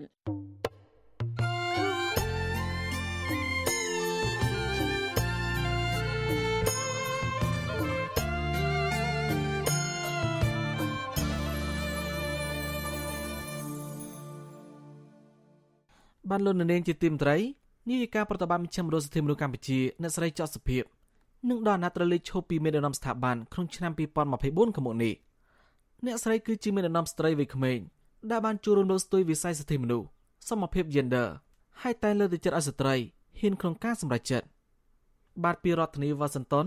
លោកសេមរារីកាពីប្រវត្តិការងារខ្លះៗរបស់អ្នកស្រីចော့សុភាពដូចតទៅសម្រាប់ស្ត្រីដតីទៀតហ្នឹងខ្ញុំគិតថា យើងត្រូវពង្រឹងសមត្ថភាពយើងត្រូវមានទំនុកចិត្តខ្លួនឯងហើយត្រូវហ៊ានក្នុងការចូលរួមខ្ញុំថានេះជាការលើកឡើងរបស់នាយិកាប្រតិបត្តិមជ្ឈមណ្ឌលសិទ្ធិមនុស្សកម្ពុជាហៅកាត់ថា CCHR គឺអ្នកស្រីចော့សុភាព អ្នកស្រីយល់ឃើញថាពលរដ្ឋគ្រប់រូបសុទ្ធតែអាចអភិវឌ្ឍខ្លួនคล้ายជាអ្នកដឹកនាំក្នុងការចូលរួមចំណែកអភិវឌ្ឍសង្គមចំណែកស្ត្រីក៏មានឱកាសអភិវឌ្ឍភាពក្លាហាន ក្នុងការចូលរួម និងហ៊ានសម្រេចចិត្តអ្នកស្រីចော့សុភាពគឺជាមនុស្សម្នាក់ក្នុងចំណោមស្ត្រីវ័យក្មេងដឹកនាំស្ថាប័នលើកកម្ពស់សិទ្ធិមនុស្សអស់រយៈពេលជិត10ឆ្នាំមកហើយដោយគិតចាប់ពីឆ្នាំ2014មកទល់នឹងពេលបច្ចុប្បន្ននិងទទួលបានពានរង្វាន់ពីស្ថាប័នអន្តរជាតិជាច្រើនរួមទាំងពានរង្វាន់ពីអតីតប្រធានាធិបតីសហរដ្ឋអាមេរិកលោកបារ៉ាក់អូបាម៉ាផងដែរជុំវិញការខិតខំប្រឹងប្រែងលើកស្ទួយសិទ្ធិមនុស្ស និងសមភាព gender នៅប្រទេសកម្ពុជា អ្នកស្រីចော့សុភាពមានស្រុកកំណើតនៅឃុំពងរោស្រុកកោះសុទិនខេត្តកំពង់ចាមអំឡុងឆ្នាំ1989ក្រុមគ្រួសារអ្នកស្រី បានផ្លាស់ទីលំនៅ មកទីក្រុងភ្នំពេញនិងបញ្ចប់ការសិក្សានៅវិទ្យាល័យមួយក្នុងរាជធានីភ្នំពេញនៅឆ្នាំ2001និងបានប្រឡងជាប់មុខវិជ្ជាពេទ្យដែលជាក្តីស្រមៃកាលពីនៅកុមារភាព ដើម្បីព្យាបាលជំងឺដល់អ្នកក្រីក្រប៉ុន្តែអ្នកស្រីបានផ្អាកបន្តការសិក្សាមុខវិជ្ជាពេទ្យនេះដោយសារតែក្រុមគ្រួសាររបស់អ្នកស្រីមិនមានលទ្ធភាពគ្រប់គ្រាន់និងពិបាកនៅក្នុងការធ្វើដំណើរផង អ្នកស្រីបានសម្រេចចិត្តហាត់ការនៅអង្គការក្នុងវិទ្យាស្ថានសម្រាប់សហប្រតិបត្តិការនិងសន្តិភាពហៅកាត់ថា CICP ក្នុងឆ្នាំ2002និងមួយខែក្រោយមក ដោយសារតែការខិតខំប្រឹងប្រែង និងដោយភាពពូកែ អ្នកស្រីក៏បានជាប់ជាបុគ្គលិកនៅទីនោះទន្ទឹមនឹងនេះអ្នកស្រីក៏អាចយល់ដឹងអំពីសង្គមនិងសិទ្ធិមនុស្សក្រោយពីក្លាយជាមន្ត្រីនៃអង្គការសង្គមស៊ីវិលអ្នកស្រីចော့សុភាពមានលទ្ធភាពបង់ថ្លៃសិក្សានៅលើមុខជំនាញសេដ្ឋកិច្ចនៅសាកលវិទ្យាល័យបញ្ញាសាស្ត្រផងដែរនៅឆ្នាំ2005អ្នកស្រីចော့សុភាពបានក្លាយជាមន្ត្រីតស៊ូមតិនៃមជ្ឈមណ្ឌលសិទ្ធិមនុស្សកម្ពុជាហៅកាត់ថា CCHR ហើយអ្នកស្រី យល់ពីបញ្ហាសិទ្ធិមនុស្សកាន់តែច្បាស់នៅពេលដែលអាជ្ញាធរចាប់នាយកប្រតិបត្តិនៃមជ្ឈមណ្ឌលសិទ្ធិមនុស្សកម្ពុជា គឺលោកកឹមសុខា តាមពាក្យបណ្ដឹងរបស់លោកហ៊ុនសែនពីបទបរិហាគេមើលឃើញព្រឹត្តិការណ៍នឹងឃើញគេចាប់ខ្លួនគាត់ហើយ គេចុះមកអត់មានដីកាយើងសួរចឹងទៅគេចេញទៅវិញគេចាក់សោយើងឲ្យរងចាំនៅក្នុងការិយាល័យចាំគេយកដីកាមកតែទន្ទឹមនឹងក៏នឹកឃើញដែរថាជាឱកាសមួយល្អព្រឹត្តិការណ៍ហ្នឹងធ្វើឲ្យយើងឃើញឲ្យយើងយល់ពីស្ថានភាពសិទ្ធិមនុស្សជាក់ស្ដែងពីមុនយើងមិនសូវយល់យើងថ្មីប៉ុន្តែយើងបានរៀនសូត្រមើលឃើញព្រឹត្តិការណ៍ហ្នឹងហើយវាជាស្ថានភាពមួយដែលជំរុញចិត្តខ្ញុំថាខ្ញុំត្រូវទៅនៅបន្ត ត្រូវដូចថាចូលរួមដើម្បីស្វែងរកយុត្តិធម៌ឲ្យសង្គមទោះបីជាស្ថាប័នជួបវិបត្តិហិរញ្ញវត្ថុនិងមានការចាប់ខ្លួនថ្នាក់ដឹកនាំក្តីអ្នកស្រីចော့សុភាពនៅតែមានកម្លាំងចិត្តបន្តការងារជួយស្ថាប័ននិងបន្តធ្វើយុទ្ធនាការតស៊ូមតិជាដើម រហូតដល់ពេលដែលស្ថាប័នមានភាពរឹងមាំអ្នកស្រីចော့សុភាពក៏បានជាប់អាហារូបករណ៍ថ្នាក់អនុបណ្ឌិតផ្នែកការសិក្សាសន្តិភាពអន្តរជាតិ នៅសាកលវិទ្យាល័យអន្តរជាតិជប៉ុនហៅកាត់ថា IUJ ក្រោយត្រឡប់ពីប្រទេសជប៉ុនវិញអ្នកស្រីចော့សុភាពត្រូវបានមជ្ឈមណ្ឌលសិទ្ធិមនុស្សកម្ពុជា ស្នើឲ្យត្រឡប់ទៅធ្វើការវិញ ជាមួយគ្នានេះដែរអ្នកស្រីបានដាក់ការងារនៅតុលាការខ្មែរក្រហម និងមានភាពស្ទាក់ស្ទើរក្នុងការជ្រើសរើសប៉ុន្តែក្នុងពេលសម្ភាសនៅតុលាការខ្មែរក្រហមតុលាការកូនកាត់មួយនេះបានតម្រូវឲ្យអ្នកស្រីបញ្ឈប់សរសេរអត្ថបទលើប្រព័ន្ធផ្សព្វផ្សាយ ដែលរិះគន់លើតុលាការខ្មែរតទៅទៀតអ្នកស្រីបានបដិសេធទទួលយកការងារនេះដោយអ្នកស្រីថាมันអាចបដូររវាងសេរីភាពនិងការងារនោះទេមានអត្ថបទមួយចំនួនខ្ញុំរិះគន់តុលាការខ្មែរក្រហមអញ្ចឹងទៅគាត់ក៏ផ្ដល់ជាមតិថាបើខ្ញុំទោះបីយ៉ាងណាក៏ដោយគាត់ពេញចិត្តនឹងដូចថាសមត្ថភាពយើងអញ្ចឹងគាត់គាត់ ទទួលយើងប៉ុន្តែមានលក្ខខណ្ឌមួយឲ្យយើងឈប់ទៅសេឈប់រិះគន់អញ្ចឹងខ្ញុំក៏ប្រាប់គាត់វិញភ្លាមភ្លាមពេលហ្នឹងខ្ញុំថាខ្ញុំសូមអធិស្ឋានហើយខ្ញុំអត់ទទួលទេការងារហ្នឹងបើសិនជាមានលក្ខខណ្ឌអញ្ចឹងបន្ទាប់ពីជ្រើសរើសធ្វើការនៅមជ្ឈមណ្ឌលសិទ្ធិមនុស្សកម្ពុជា ក្នុងឆ្នាំ2010និងបានបម្រើការងារអស់រយៈពេល4ឆ្នាំក្រមប្រឹក្សាភិបាល បានស្នើតែងតាំងអ្នកស្រីជានាយិកាប្រតិបត្តិក្នុងវ័យ29ឆ្នាំ មុននឹងសម្រេចចិត្តទទួលយកតំណែងជានាយិកាប្រតិបត្តិអ្នកស្រីធ្លាប់មានការព្រួយបារម្ភថាអ្នកស្រីជាស្ត្រីវ័យក្មេងដែលមនុស្សជាច្រើនមិនជឿជាក់លើសមត្ថភាព និងបារម្ភប៉ះពាល់ដល់ស្ថាប័នតែខណៈនោះ អ្នកស្រីគិតថា ខ្លួនជាអ្នកដែលលើកស្ទួយសិទ្ធិស្ត្រីឲ្យក្លាយជាថ្នាក់ដឹកនាំឬអ្នកនយោបាយហេតុដូច្នេះទើបចុងក្រោយ អ្នកស្រីសម្រេចចិត្តទទួលយកតួនាទីជាថ្នាក់ដឹកនាំមជ្ឈមណ្ឌលសិទ្ធិមនុស្សកម្ពុជា មកទួលនៅពេលបច្ចុប្បន្នបើយើងធ្វើទៅវាអត់បានល្អមតិជាច្រើនគេនឹងដាក់សម្ពាធថាក្មេងធ្វើអត់បានទេការងារអញ្ចឹងអញ្ចឹងជាពិសេសស្ត្រីជាពិសេសវ័យក្មេងកុំឲ្យសោះណាអញ្ចឹងខ្ញុំបារម្ភថាខ្ញុំខ្លាចទៅជាបន្ទុកមួយដែលបន្សល់គេដំណើរអត់ល្អសម្រាប់យុវជនជំនាន់ក្រោយទន្ទឹមនឹងក៏គិតថាបើយើងមិនចាប់ផ្ដើមពេលហ្នឹងតើពេលណាដែលយើងអាចត្រួសត្រាយផ្លូវសម្រាប់យុវជនជំនាន់ក្រោយដែរ ដែលយើងអាចបង្ហាញគំរូភាពថាស្ត្រីវ័យក្មេងអាចធ្វើបានក្រោយពីខ្លាយជានាយកប្រតិបត្តិអ្នកស្រីក៏រងការរិះគន់ពីមន្ត្រីរដ្ឋាភិបាលក្នុងនោះក៏មានមន្ត្រីអង្គការសង្គមស៊ីវិលផងដែរដោយរិះគន់ថាអ្នកស្រីមិនអាចធ្វើជាថ្នាក់ដឹកនាំបាននោះទេតែយ៉ាងណា អ្នកស្រីបានយកចិត្តទុកដាក់ចំពោះការរិះគន់ទាំងនេះ តែអ្នកស្រីទទួលបានការគាំទ្រពីសហការីដៃគូជាតិនិងអន្តរជាតិ ព្រមទាំងបានបង្ហាញសមិទ្ធផលតស៊ូមតិចំពោះបញ្ហាសិទ្ធិមនុស្សជិត10ឆ្នាំកន្លងមកនេះក្នុងនាមជាថ្នាក់ដឹកនាំអ្នកស្រីចော့សុភាពបានបង្កើតកម្មវិធីផ្សេងផ្សេងសិក្ខាសាលាយុទ្ធនាការដោយផ្ដោតលើការលើកស្ទួយសិទ្ធិស្ត្រី បំបត្តិការរើសអើងលើ gender និងអំពើហិង្សាលើគ្រួសារអ្នកស្រីចុះអង្កេតការរាល់ពេលពលរដ្ឋធ្វើបាតកម្មឬកោតកម្មដើម្បីស្វែងរកយុត្តិធម៌តំណាងសហគមន៍លពីង អ្នកស្រីអ៊ុំសុភីយល់ឃើញថាអ្នកស្រីចော့សុភាព គឺជាស្ត្រីដឹកនាំល្អម្នាក់ហើយសម្រាប់សហគមន៍លពីងផ្ទាល់មជ្ឈមណ្ឌលសិទ្ធិមនុស្សកម្ពុជា តែងតែបង្រៀនដល់សហគមន៍ឲ្យយល់ដឹងពីសិទ្ធិមនុស្សសម្រាប់សហគមន៍ខ្ញុំក៏ ជួយច្រើនទាំងពីការតទេទាំងពីការជួយឲ្យចូលវគ្គបណ្ដុះបណ្ដាលផ្សេងផ្សេងទាំងពីការតស៊ូមតិទាំងពីវគ្គអ្នកឆ្លាញ់ទេពគ្នាស្ត្រីក្នុងភាពជាអ្នកដឹកនាំជារួមទៅក៏ជួយច្រើនចំណែកមន្ត្រីកម្មវិធីស្រាវជ្រាវនិងតស៊ូមតិនៃសមាគមបណ្ដាញយុវជនកម្ពុជា លោកហេងកំហុងលើកឡើងថាអ្នកស្រីចော့សុភាពគឺជាមនុស្សរស់រាយចំពោះមនុស្សជុំវិញខ្លួនមើងម៉ាត់ចំពោះការងារ និងមានគំរូភាពជាស្ត្រីដឹកនាំផងដែរស្រីចော့សុភាពគឺជាគំរូស្ត្រីដែលមានភាពជាអ្នកដឹកនាំនិងជាបុគ្គលដែលបានរស់នៅនិងផ្សារភ្ជាប់ជាមួយនឹងបញ្ហាសង្គមហើយជាពិសេសជាបុគ្គលម្នាក់ដែលបាននៅចិត្តដិតជាមួយនឹងបញ្ហាហើយនាំយកបញ្ហាទៅធ្វើការតស៊ូមតិដើម្បីឲ្យមានការគោរពសិទ្ធិមនុស្សនិងយុត្តិធម៌សង្គមនៅកម្ពុជាបាទអ្នកស្រីចော့សុភាពថានៅពីនេះស្ថាប័នកំពុងជ្រើសរើសនាយកប្រតិបត្តិថ្មី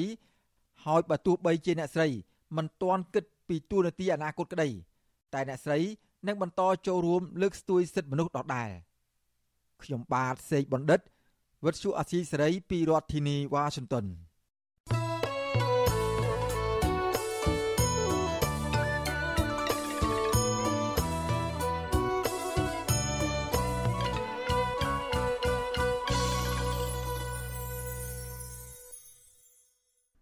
បានលោកនៅនាងជាទីមន្ត្រី បរិសុជនជាដើមភេតិចគួយម្នាក់នៅខេត្តស្ទឹងត្រែងលោកឋានវ៉នសោកស្ដាយពីវិនាសកម្មធនធានធម្មជាតិបន្សល់ចុងក្រោយនៅគៀកនឹងភូមិកំណើតរបស់លោកបានបាត់បង់ទាំងស្រុងតំណាងសហគមន៍រំនេះបានជិះមកផ្ដល់អាជ្ញាធរមូលដ្ឋាននឹងក្រុមឈ្មួញទៅតុលាការដើម្បីសង្គ្រោះព្រៃសហគមន៍អលងក្រមួនកាលពីជិត10ឆ្នាំមុនក៏ប៉ុន្តែគ្មានបានផលទេដោយតុលាការផ្អឹបសំណុំរឿងរបស់លោកទុកចោលមិនចាត់ការតើបរិសុជនជាដើមភេតិចគូរំនេះមានប្រវត្តិតស៊ូបែបណា បាទពីរដ្ឋធានីវ៉ាស៊ីនតោន លោកទីនសក្កាយារីកាពីជីវប្រវត្តិសង្ខេបនិងការតស៊ូរបស់លោកថាន់វ៉នដូចតទៅការបាត់បង់ព្រៃសហគមន៍ភូមិអន្លង់ក្រមួនទាំងស្រុងនៅរយៈពេលប្រមាណឆ្នាំចុងក្រោយនេះបានធ្វើឲ្យជនជាតិដើមភាគតិចរាប់រយគ្រួសារនៅខេត្តស្ទឹងត្រែងខឹងសម្បាចំពោះទង្វើរបស់អាជ្ញាធរខេត្តនេះថាគ្មានឆន្ទៈការពារព្រៃសហគមន៍ស្របតាមច្បាប់នោះឡើយព្រៃសហគមន៍នេះសម្បូរព្រៃស្រោងឈើប្រណិតធំធំសត្វព្រៃនិងជាប្រភពសេដ្ឋកិច្ចរបស់ជនជាតិដើមភាគតិចចំនួន5ភូមិ បានក្លាយជាវាលរហោឋាននៅរយៈពេលជិត10ឆ្នាំចុងក្រោយនេះតំណាងសហគមន៍ការពារប្រៃឈើភូមិអន្លង់ក្រមួនរស់នៅឃុំស្រែរិស័យស្រុកថ្លាបរវត្តគឺលោកឋានវ៉នថ្លែងថាព្រៃសហគមន៍នេះមិនត្រឹមតែបាត់បង់ដើមឈើធំធំប៉ុណ្ណោះទេសូម្បីតែដីត្រូវក្រុមឈ្មួញឈូសឆាយទន្ទ្រាននិងទិញលក់ដូរអាណាធិបតេយ្យដោយមានអាជ្ញាធរមូលដ្ឋាននៅពីក្រោយខ្នងថែមទៀតផងបរិះវ័យ61ឆ្នាំរំនេះសម្បល់ខ្មៅរៀងទៀបបន្តិច មានស្រុកកំណើតនៅភូមិអន្លង់ក្រមួនស្រុកថ្លាបរវត្តខេត្តស្ទឹងត្រែងនៅគៀកនឹងដែនចម្រោកសត្វព្រៃឡង់លោកមានបងប្អូន4នាក់ហើយលោកជាកូនច្បង មានទម្លាប់រស់នៅក្នុងព្រៃតាំងពីកុមារភាពមកឪពុកបង្កើតរបស់លោកបានស្លាប់កាលពីសម័យខ្មែរក្រហមដែលកាលនោះកងទ័ពប៉ុលពតបានបិទសិទ្ធមិនឲ្យអ្នកភូមិចេញក្រៅភូមិឡើយហើយតំបន់នោះសម្បូរដោយព្រៃស្រោងក្រាស់លោកឋានវ៉ុនមានកូន8នាក់ប្រុស3នាក់និងស្រី5នាក់ ដោយប្រកបមុខរបរធ្វើស្រែចម្ការលើផ្ទៃដី8ហិកតាក្រៅពីរបរធ្វើស្រែលោកក៏ចេះព្យាបាលជំងឺបែបបុរាណដោយរកឫសឈើនិងស្លឹករុក្ខជាតិក្នុងព្រៃផ្សំធ្វើជាថ្នាំព្យាបាលអ្នកស្រុកដោយមិនគិតថ្លៃនោះឡើយតំណាងសហគមន៍រូបនេះបានចូលបម្រើកងទ័ពនៅសម័យរដ្ឋកម្ពុជា អំឡុងឆ្នាំ1580រហូតដល់ឆ្នាំ1995ហើយលោកក៏ជាសកម្មជនគាំទ្រគណៈបកកណ្ដាលអំណាចដែរក៏ប៉ុន្តែក្រោយមក លោកបានផ្លាស់ប្ដូរចិត្តឈប់គាំទ្រគណៈបកកាន់អំណាចហើយងាកមកគាំទ្រគណៈបកហ្វុនស៊ុនពេជ្រគណៈបកសង្គ្រោះជាតិហើយចុងក្រោយលោកក៏ចូលរួមធ្វើនយោបាយឲ្យគណៈបកភ្លើងទៀនដោយចូលឈ្មោះជាបេក្ខជនបោះឆ្នោតឃុំសង្កាត់ក្នុងឃុំឆ្លើយរិទ្ធិលោកឋានវ៉ុនបន្ថែមថាមូលហេតុដែលលោកផ្លាស់ប្ដូរផ្នែកកំណត់ឈប់គាំទ្រគណៈបកប្រជាជនកម្ពុជាដោយសារតែគណៈបកមួយនេះមិនអនុវត្តគោលនយោបាយរបស់ខ្លួនដោយការសន្យានៅមុនពេលបោះឆ្នោត នឹងតែងតែភូតភរបរដ្ឋរឿងការពារប្រៃឈើហើយធ្វើមិនបានបីតែព្រៃដែលគីនឹងព្រៃឡង់ក៏មិនដូចព្រៃលងកមួនដែរព្រោះព្រៃលងកមួនសម្បូរឈើដែលឈើប៉និតប៉និតអត់ឃើញទេពលឺថ្ងៃហើយព្រៃនេះសម្បូរសត្វព្រៃសោងខ្ទីងតម្រៃហ្វាស្អីក៏មានដែររលាយដោយសារតែនិយាយរួមទៅរលាយដោយសារមេភូមិមេឃុំវាបើកដៃឲ្យឈ្មួញកាប់មេដឹកនាំសហគមន៍រូបនេះប្រាប់វិទ្យុអាស៊ីសេរីកាលពីថ្ងៃទី5ឧសភាថា នៅមុនឆ្នាំ2012ព្រៃសហគមន៍ភូមិអន្លង់ក្រមួនសម្បូរដើមឈើធំធំ ប្រភេទបេងនាងនួនធ្នង់និងសក្រំជាដើមដុះតម្រៀបគ្នាធំធំញឹកស្អែកស្កះស្ទើរតែគ្មានពន្លឺថ្ងៃហើយជនជាតិដើមភៀកតិចរាប់រយគ្រួសារបានអាស្រ័យផលពីព្រៃនេះតាមរយៈដងជាប់ទឹករកត្រីរកឃ្មុំតាមបុរាណជាដើមរស់នៅយ៉ាងសុខសាន្តតាមបែបប្រពៃណីជនជាតិដើមភាគតិចក៏ប៉ុន្តែមកដល់បច្ចុប្បន្ននេះ តំបន់អភិរក្សនេះបានក្លាយជាវាលរហោឋានគ្រប់គ្រងជាសម្បត្តិឯកជននិងក្រុមអ្នកមានលុយមានអំណាចស្ទើរតែទាំងស្រុងសូម្បីតែព្រៃកប់សពរបស់ជនជាតិដើមភាគតិចក៏បាត់បង់ចិត្តអស់ហើយដែរលោកបន្ថែមថាបច្ចុប្បន្នអ្នកភូមិរស់នៅយ៉ាងលំបាកដោយពឹងផ្អែកការធ្វើស្រែចម្ការចំពាក់បំណុលធនាគារហើយត្រូវចំណាយលុយទិញម្ហូបអាហារប្រចាំថ្ងៃថែមទៀតផង កាលពេលមានព្រៃឈើនៅស្រុកស្ដំមិនសូវមានទៅពេទ្យទេពីព្រោះអ្នកភូមិខ្ញុំឯងចូលចិត្តប្រើថ្នាំបារាណឬឈើឬព្រៃយើងហើយមហូបចំណីអីក៏អត់ក្រទេខ្ញុំភូមិស្រុកពោកមានប៉ុន្តែមានបន្លាយមានបន្លាយត្រីអូដល់កត្រីហើយបើនិយាយពីរឿងដើរស្គួតវិញ អូចង់ថាវាដូចសัตว์អីចុះណាឥឡូវរកអីក៏អត់មានទេមហូបរឿងថ្ងៃទិញទៅត្រីដើរតាមម៉ូតូតាមខ្នល់ទេបើពួកខ្នល់វាមិនចេញមកអោយមានអត់ណាប្រិយសហគមន៍ភូមិអន្លង់ក្រមួនមានផ្ទៃដីជិត1000ហិកតាស្ថិតនៅក្នុងឃុំស្រែឫស្សីស្រុកថ្លាមរវត្តព្រៃអភិរក្សនេះមានផែនទីកំណត់ទំហំផ្ទៃដីគ្រប់គ្រងដែលរៀបចំឡើងដោយមន្ត្រីរដ្ឋបាលព្រៃឈើនិងមានការជួយជ្រោមជ្រែងដោយអង្គការមិនមែនរដ្ឋាភិបាលប្រជាសហគមន៍ចាត់ទុកព្រៃនេះ ជាប្រភពសេដ្ឋកិច្ចចម្រោកសត្វព្រៃនិងជាកន្លែងផ្ដល់អនុផលព្រៃឈើសម្បូរបែបរួមមានដើមឈើផលិតជ័រទឹកឬដើមច្បោះជ័រជាច្រើនម៉ឺនដើមដែលមានលទ្ធភាពគ្រប់គ្រងជីវភាពបរិវត្តជនជាតិដើមភាគតិចតាំងពីដូនតាមក កាលពីឆ្នាំ2013តំណាងសហគមន៍ជិត10នាក់បានប្តឹងអាជ្ញាធរឃុំនិងក្រុមឈ្មួញពីបទរួមគំនិតផ្ដាល់អធិភាពឲ្យជនល្មើសកាប់បំផ្លាញព្រៃឈើសហគមន៍ក៏ប៉ុន្តែតុលាការខេត្តស្ទឹងត្រែង បានផ្អឹបសំណុំរឿងនេះទុកចោលអត់ចាត់ការដោយមិនបង្ហាញពីមូលហេតុនោះឡើយចំណែកឯប្រពន្ធរបស់លោកឋានវ៉ុនគឺលោកស្រីណៃណាំវ័យ51ឆ្នាំបារម្ភថា ការបាត់បង់ប្រៃនេះធ្វើឲ្យជនជាតិដើមភាគតិចគួយរាប់រយគ្រួសារលំបាកហើយអាកាសធាតុវិញក៏ឡើងកម្ដៅខ្លាំងគ្មានកន្លែងរកអនុផលប្រៃឈើដូចមុនឡើយលោកស្រីថាពេលនេះជីវភាពរស់នៅរបស់អ្នកភូមិរកប្រាក់សម្រាប់តែដោះបំណុលធនាគារនិងដើរស៊ីឈ្នួលគេផ្គត់ផ្គង់ជីវភាពគ្រួសារ។ ខ្ញុំមកនៅលងកមួនដំបងនិយាយពីសត្វព្រៃដាក់អង្គប់ដាក់អន្ទាក់ក៏បានដល់ធ្វើធ្នោះក៏បានតែឥឡូវនេះមហូបបើមិនបានទិញគេក៏អត់វាអត់សម្បូរដូចមុនមុនយើងសម្បូរព្រៃឈើនៅយើងរស់ក្នុងព្រៃក្នុងផ្សាយបានដាក់អង្គប់ដាក់គៀបដាក់អន្ទាក់អីវាបានសត្វតែឥឡូវនេះមានសត្វមកពីណាបើមានព្រៃផងតើតើនឹងបញ្ហានេះមេភូមិអន្លង់ក្រមួនឃុំស្រែរិស័យអ្នកស្រីយ៉ែមខេមមានប្រសាសន៍ថាមកទៅពេលនេះ ព្រៃសហគមន៍នេះបានរលាយអស់ដោយជំនួសមកវិញនៅការដាំដំណាំកសិកម្មគ្រប់គ្រងជាកម្មសិទ្ធិឯកជនលោកស្រីចូលរួមសោកស្ដាយចំពោះការបាត់បង់ព្រៃនេះដោយអាជ្ញាធរភូមិឃុំគ្មានលទ្ធភាពទប់ស្កាត់បទល្មើសព្រៃឈើនោះទេហើយភារកិច្ចដោះស្រាយរឿងនេះគឺហួសពីដែនសមត្ថកិច្ចអាជ្ញាធរភូមិឃុំព្រៃសហគមន៍លងគមូណាធំប៉ុណ្ណាប៉ុណ្ណាលោកគេលេកាត់ការកាប់អីទីអស់សាល់ ស្ដាយណាយើងស្ដាយថាបាត់បង់ព្រៃឈើអស់លីងឈើធំអីអស់វិញឡើងការដាំទទីដាំអីអស់ជុំវិញនឹងរឿងនេះមន្ត្រីពង្រឹងសិទ្ធិអំណាចសហគមន៍មូលដ្ឋាននៃសមាគមការពារសិទ្ធិមនុស្សអាត់ហុកលោកប៉ែនបូណា សង្កេតឃើញថាអាជ្ញាធរខេត្តនិងស្ថាប័នពាក់ព័ន្ធមិនត្រឹមតែមិនលើកទឹកចិត្តឲ្យពលរដ្ឋចូលរួមការពារព្រៃនោះទេបែរជាបណ្ដាលឲ្យឈ្មួញកាប់រៀនព្រៃខុសច្បាប់តាមអំពើចិត្តលោកថាអំពើនន្តនភាពឬទម្លាប់ឲ្យជនល្មើសរួចទោស ក្នុងរឿងបទល្មើសព្រៃឈើបានคล้ายជាទម្លាប់ដដែលដដែលជាច្រើនឆ្នាំមកហើយដោយគ្មានយន្តការដោះស្រាយឲ្យមានប្រសិទ្ធភាពនោះឡើយអត់យូរហើយក៏ដោយក៏ប៉ុន្តែទោសនៃការកាប់រៀននៃការកាប់រំដើមឈើអីៗហ្នឹងវាមានអាជ្ញាវិការដល់ទៅ15ឆ្នាំជាប្រជាពលរដ្ឋយើងហ្នឹងដាក់ទៅ ឲ្យបានច្រើនទៅដាក់ទៅតុលាការដើម្បីឲ្យមានកំណត់ត្រានៅក្នុងផ្លូវច្បាប់ហើយវាអាចជាប្រវត្តិសាស្ត្រមួយបង្ហាញថានៅក្នុងនៅក្នុងចន្លោះឆ្នាំម្នេះទៅឆ្នាំម្នេះគឺមន្ត្រីឬមួយក៏ជនទុច្ចរិតឬក៏ញាទុច្ចរិតគឺមិនមិនមានពីណាហ៊ានប៉ះពាល់ទេគឺបដ ாய் ឲ្យកាប់ពេញទឹកពេញដីលោកឋានវ៉ុនបន្ថែមថាពួកលោកសម្រេចចិត្តប្រមូលភ័ស្តុតាងនិងឯកសារប្តឹងអាជ្ញាធរនឹងក្រុមឈ្មួញទៅតុលាការដើម្បីសង្គ្រោះប្រៃនេះដែលជាជំរើសចុងក្រោយ ប៉ុន្តែតុលាការមិនចុះពិនិត្យរកហេតុផល ក្នុងរឿងនេះទេបែរជាមិនចាត់ការតាមច្បាប់ដោយមិនបានទាញយកហេតុផលត្រឹមត្រូវនោះឡើយលោកចាត់ទុកទង្វើរបស់តុលាការនិងអាជ្ញាធរថាជាការចូលរួមបំផ្លាញធនធានធម្មជាតិធ្វើឲ្យជនល្មើសរួចទោសនិងមិនរៀងចាលបំផ្លាញសុភមង្គលជនជាតិដើមភាគតិចបំផ្លាញសេដ្ឋកិច្ចប្រពៃណីរបស់ជនជាតិដើមភាគតិចដែលពឹងផ្អែកលើអនុផលប្រៃឈើតាំងពីដូនតាមក ខ្ញុំទីនសាការីយ៉ាអស៊ីសេរីប្រធានីវ៉ាស៊ីនតោន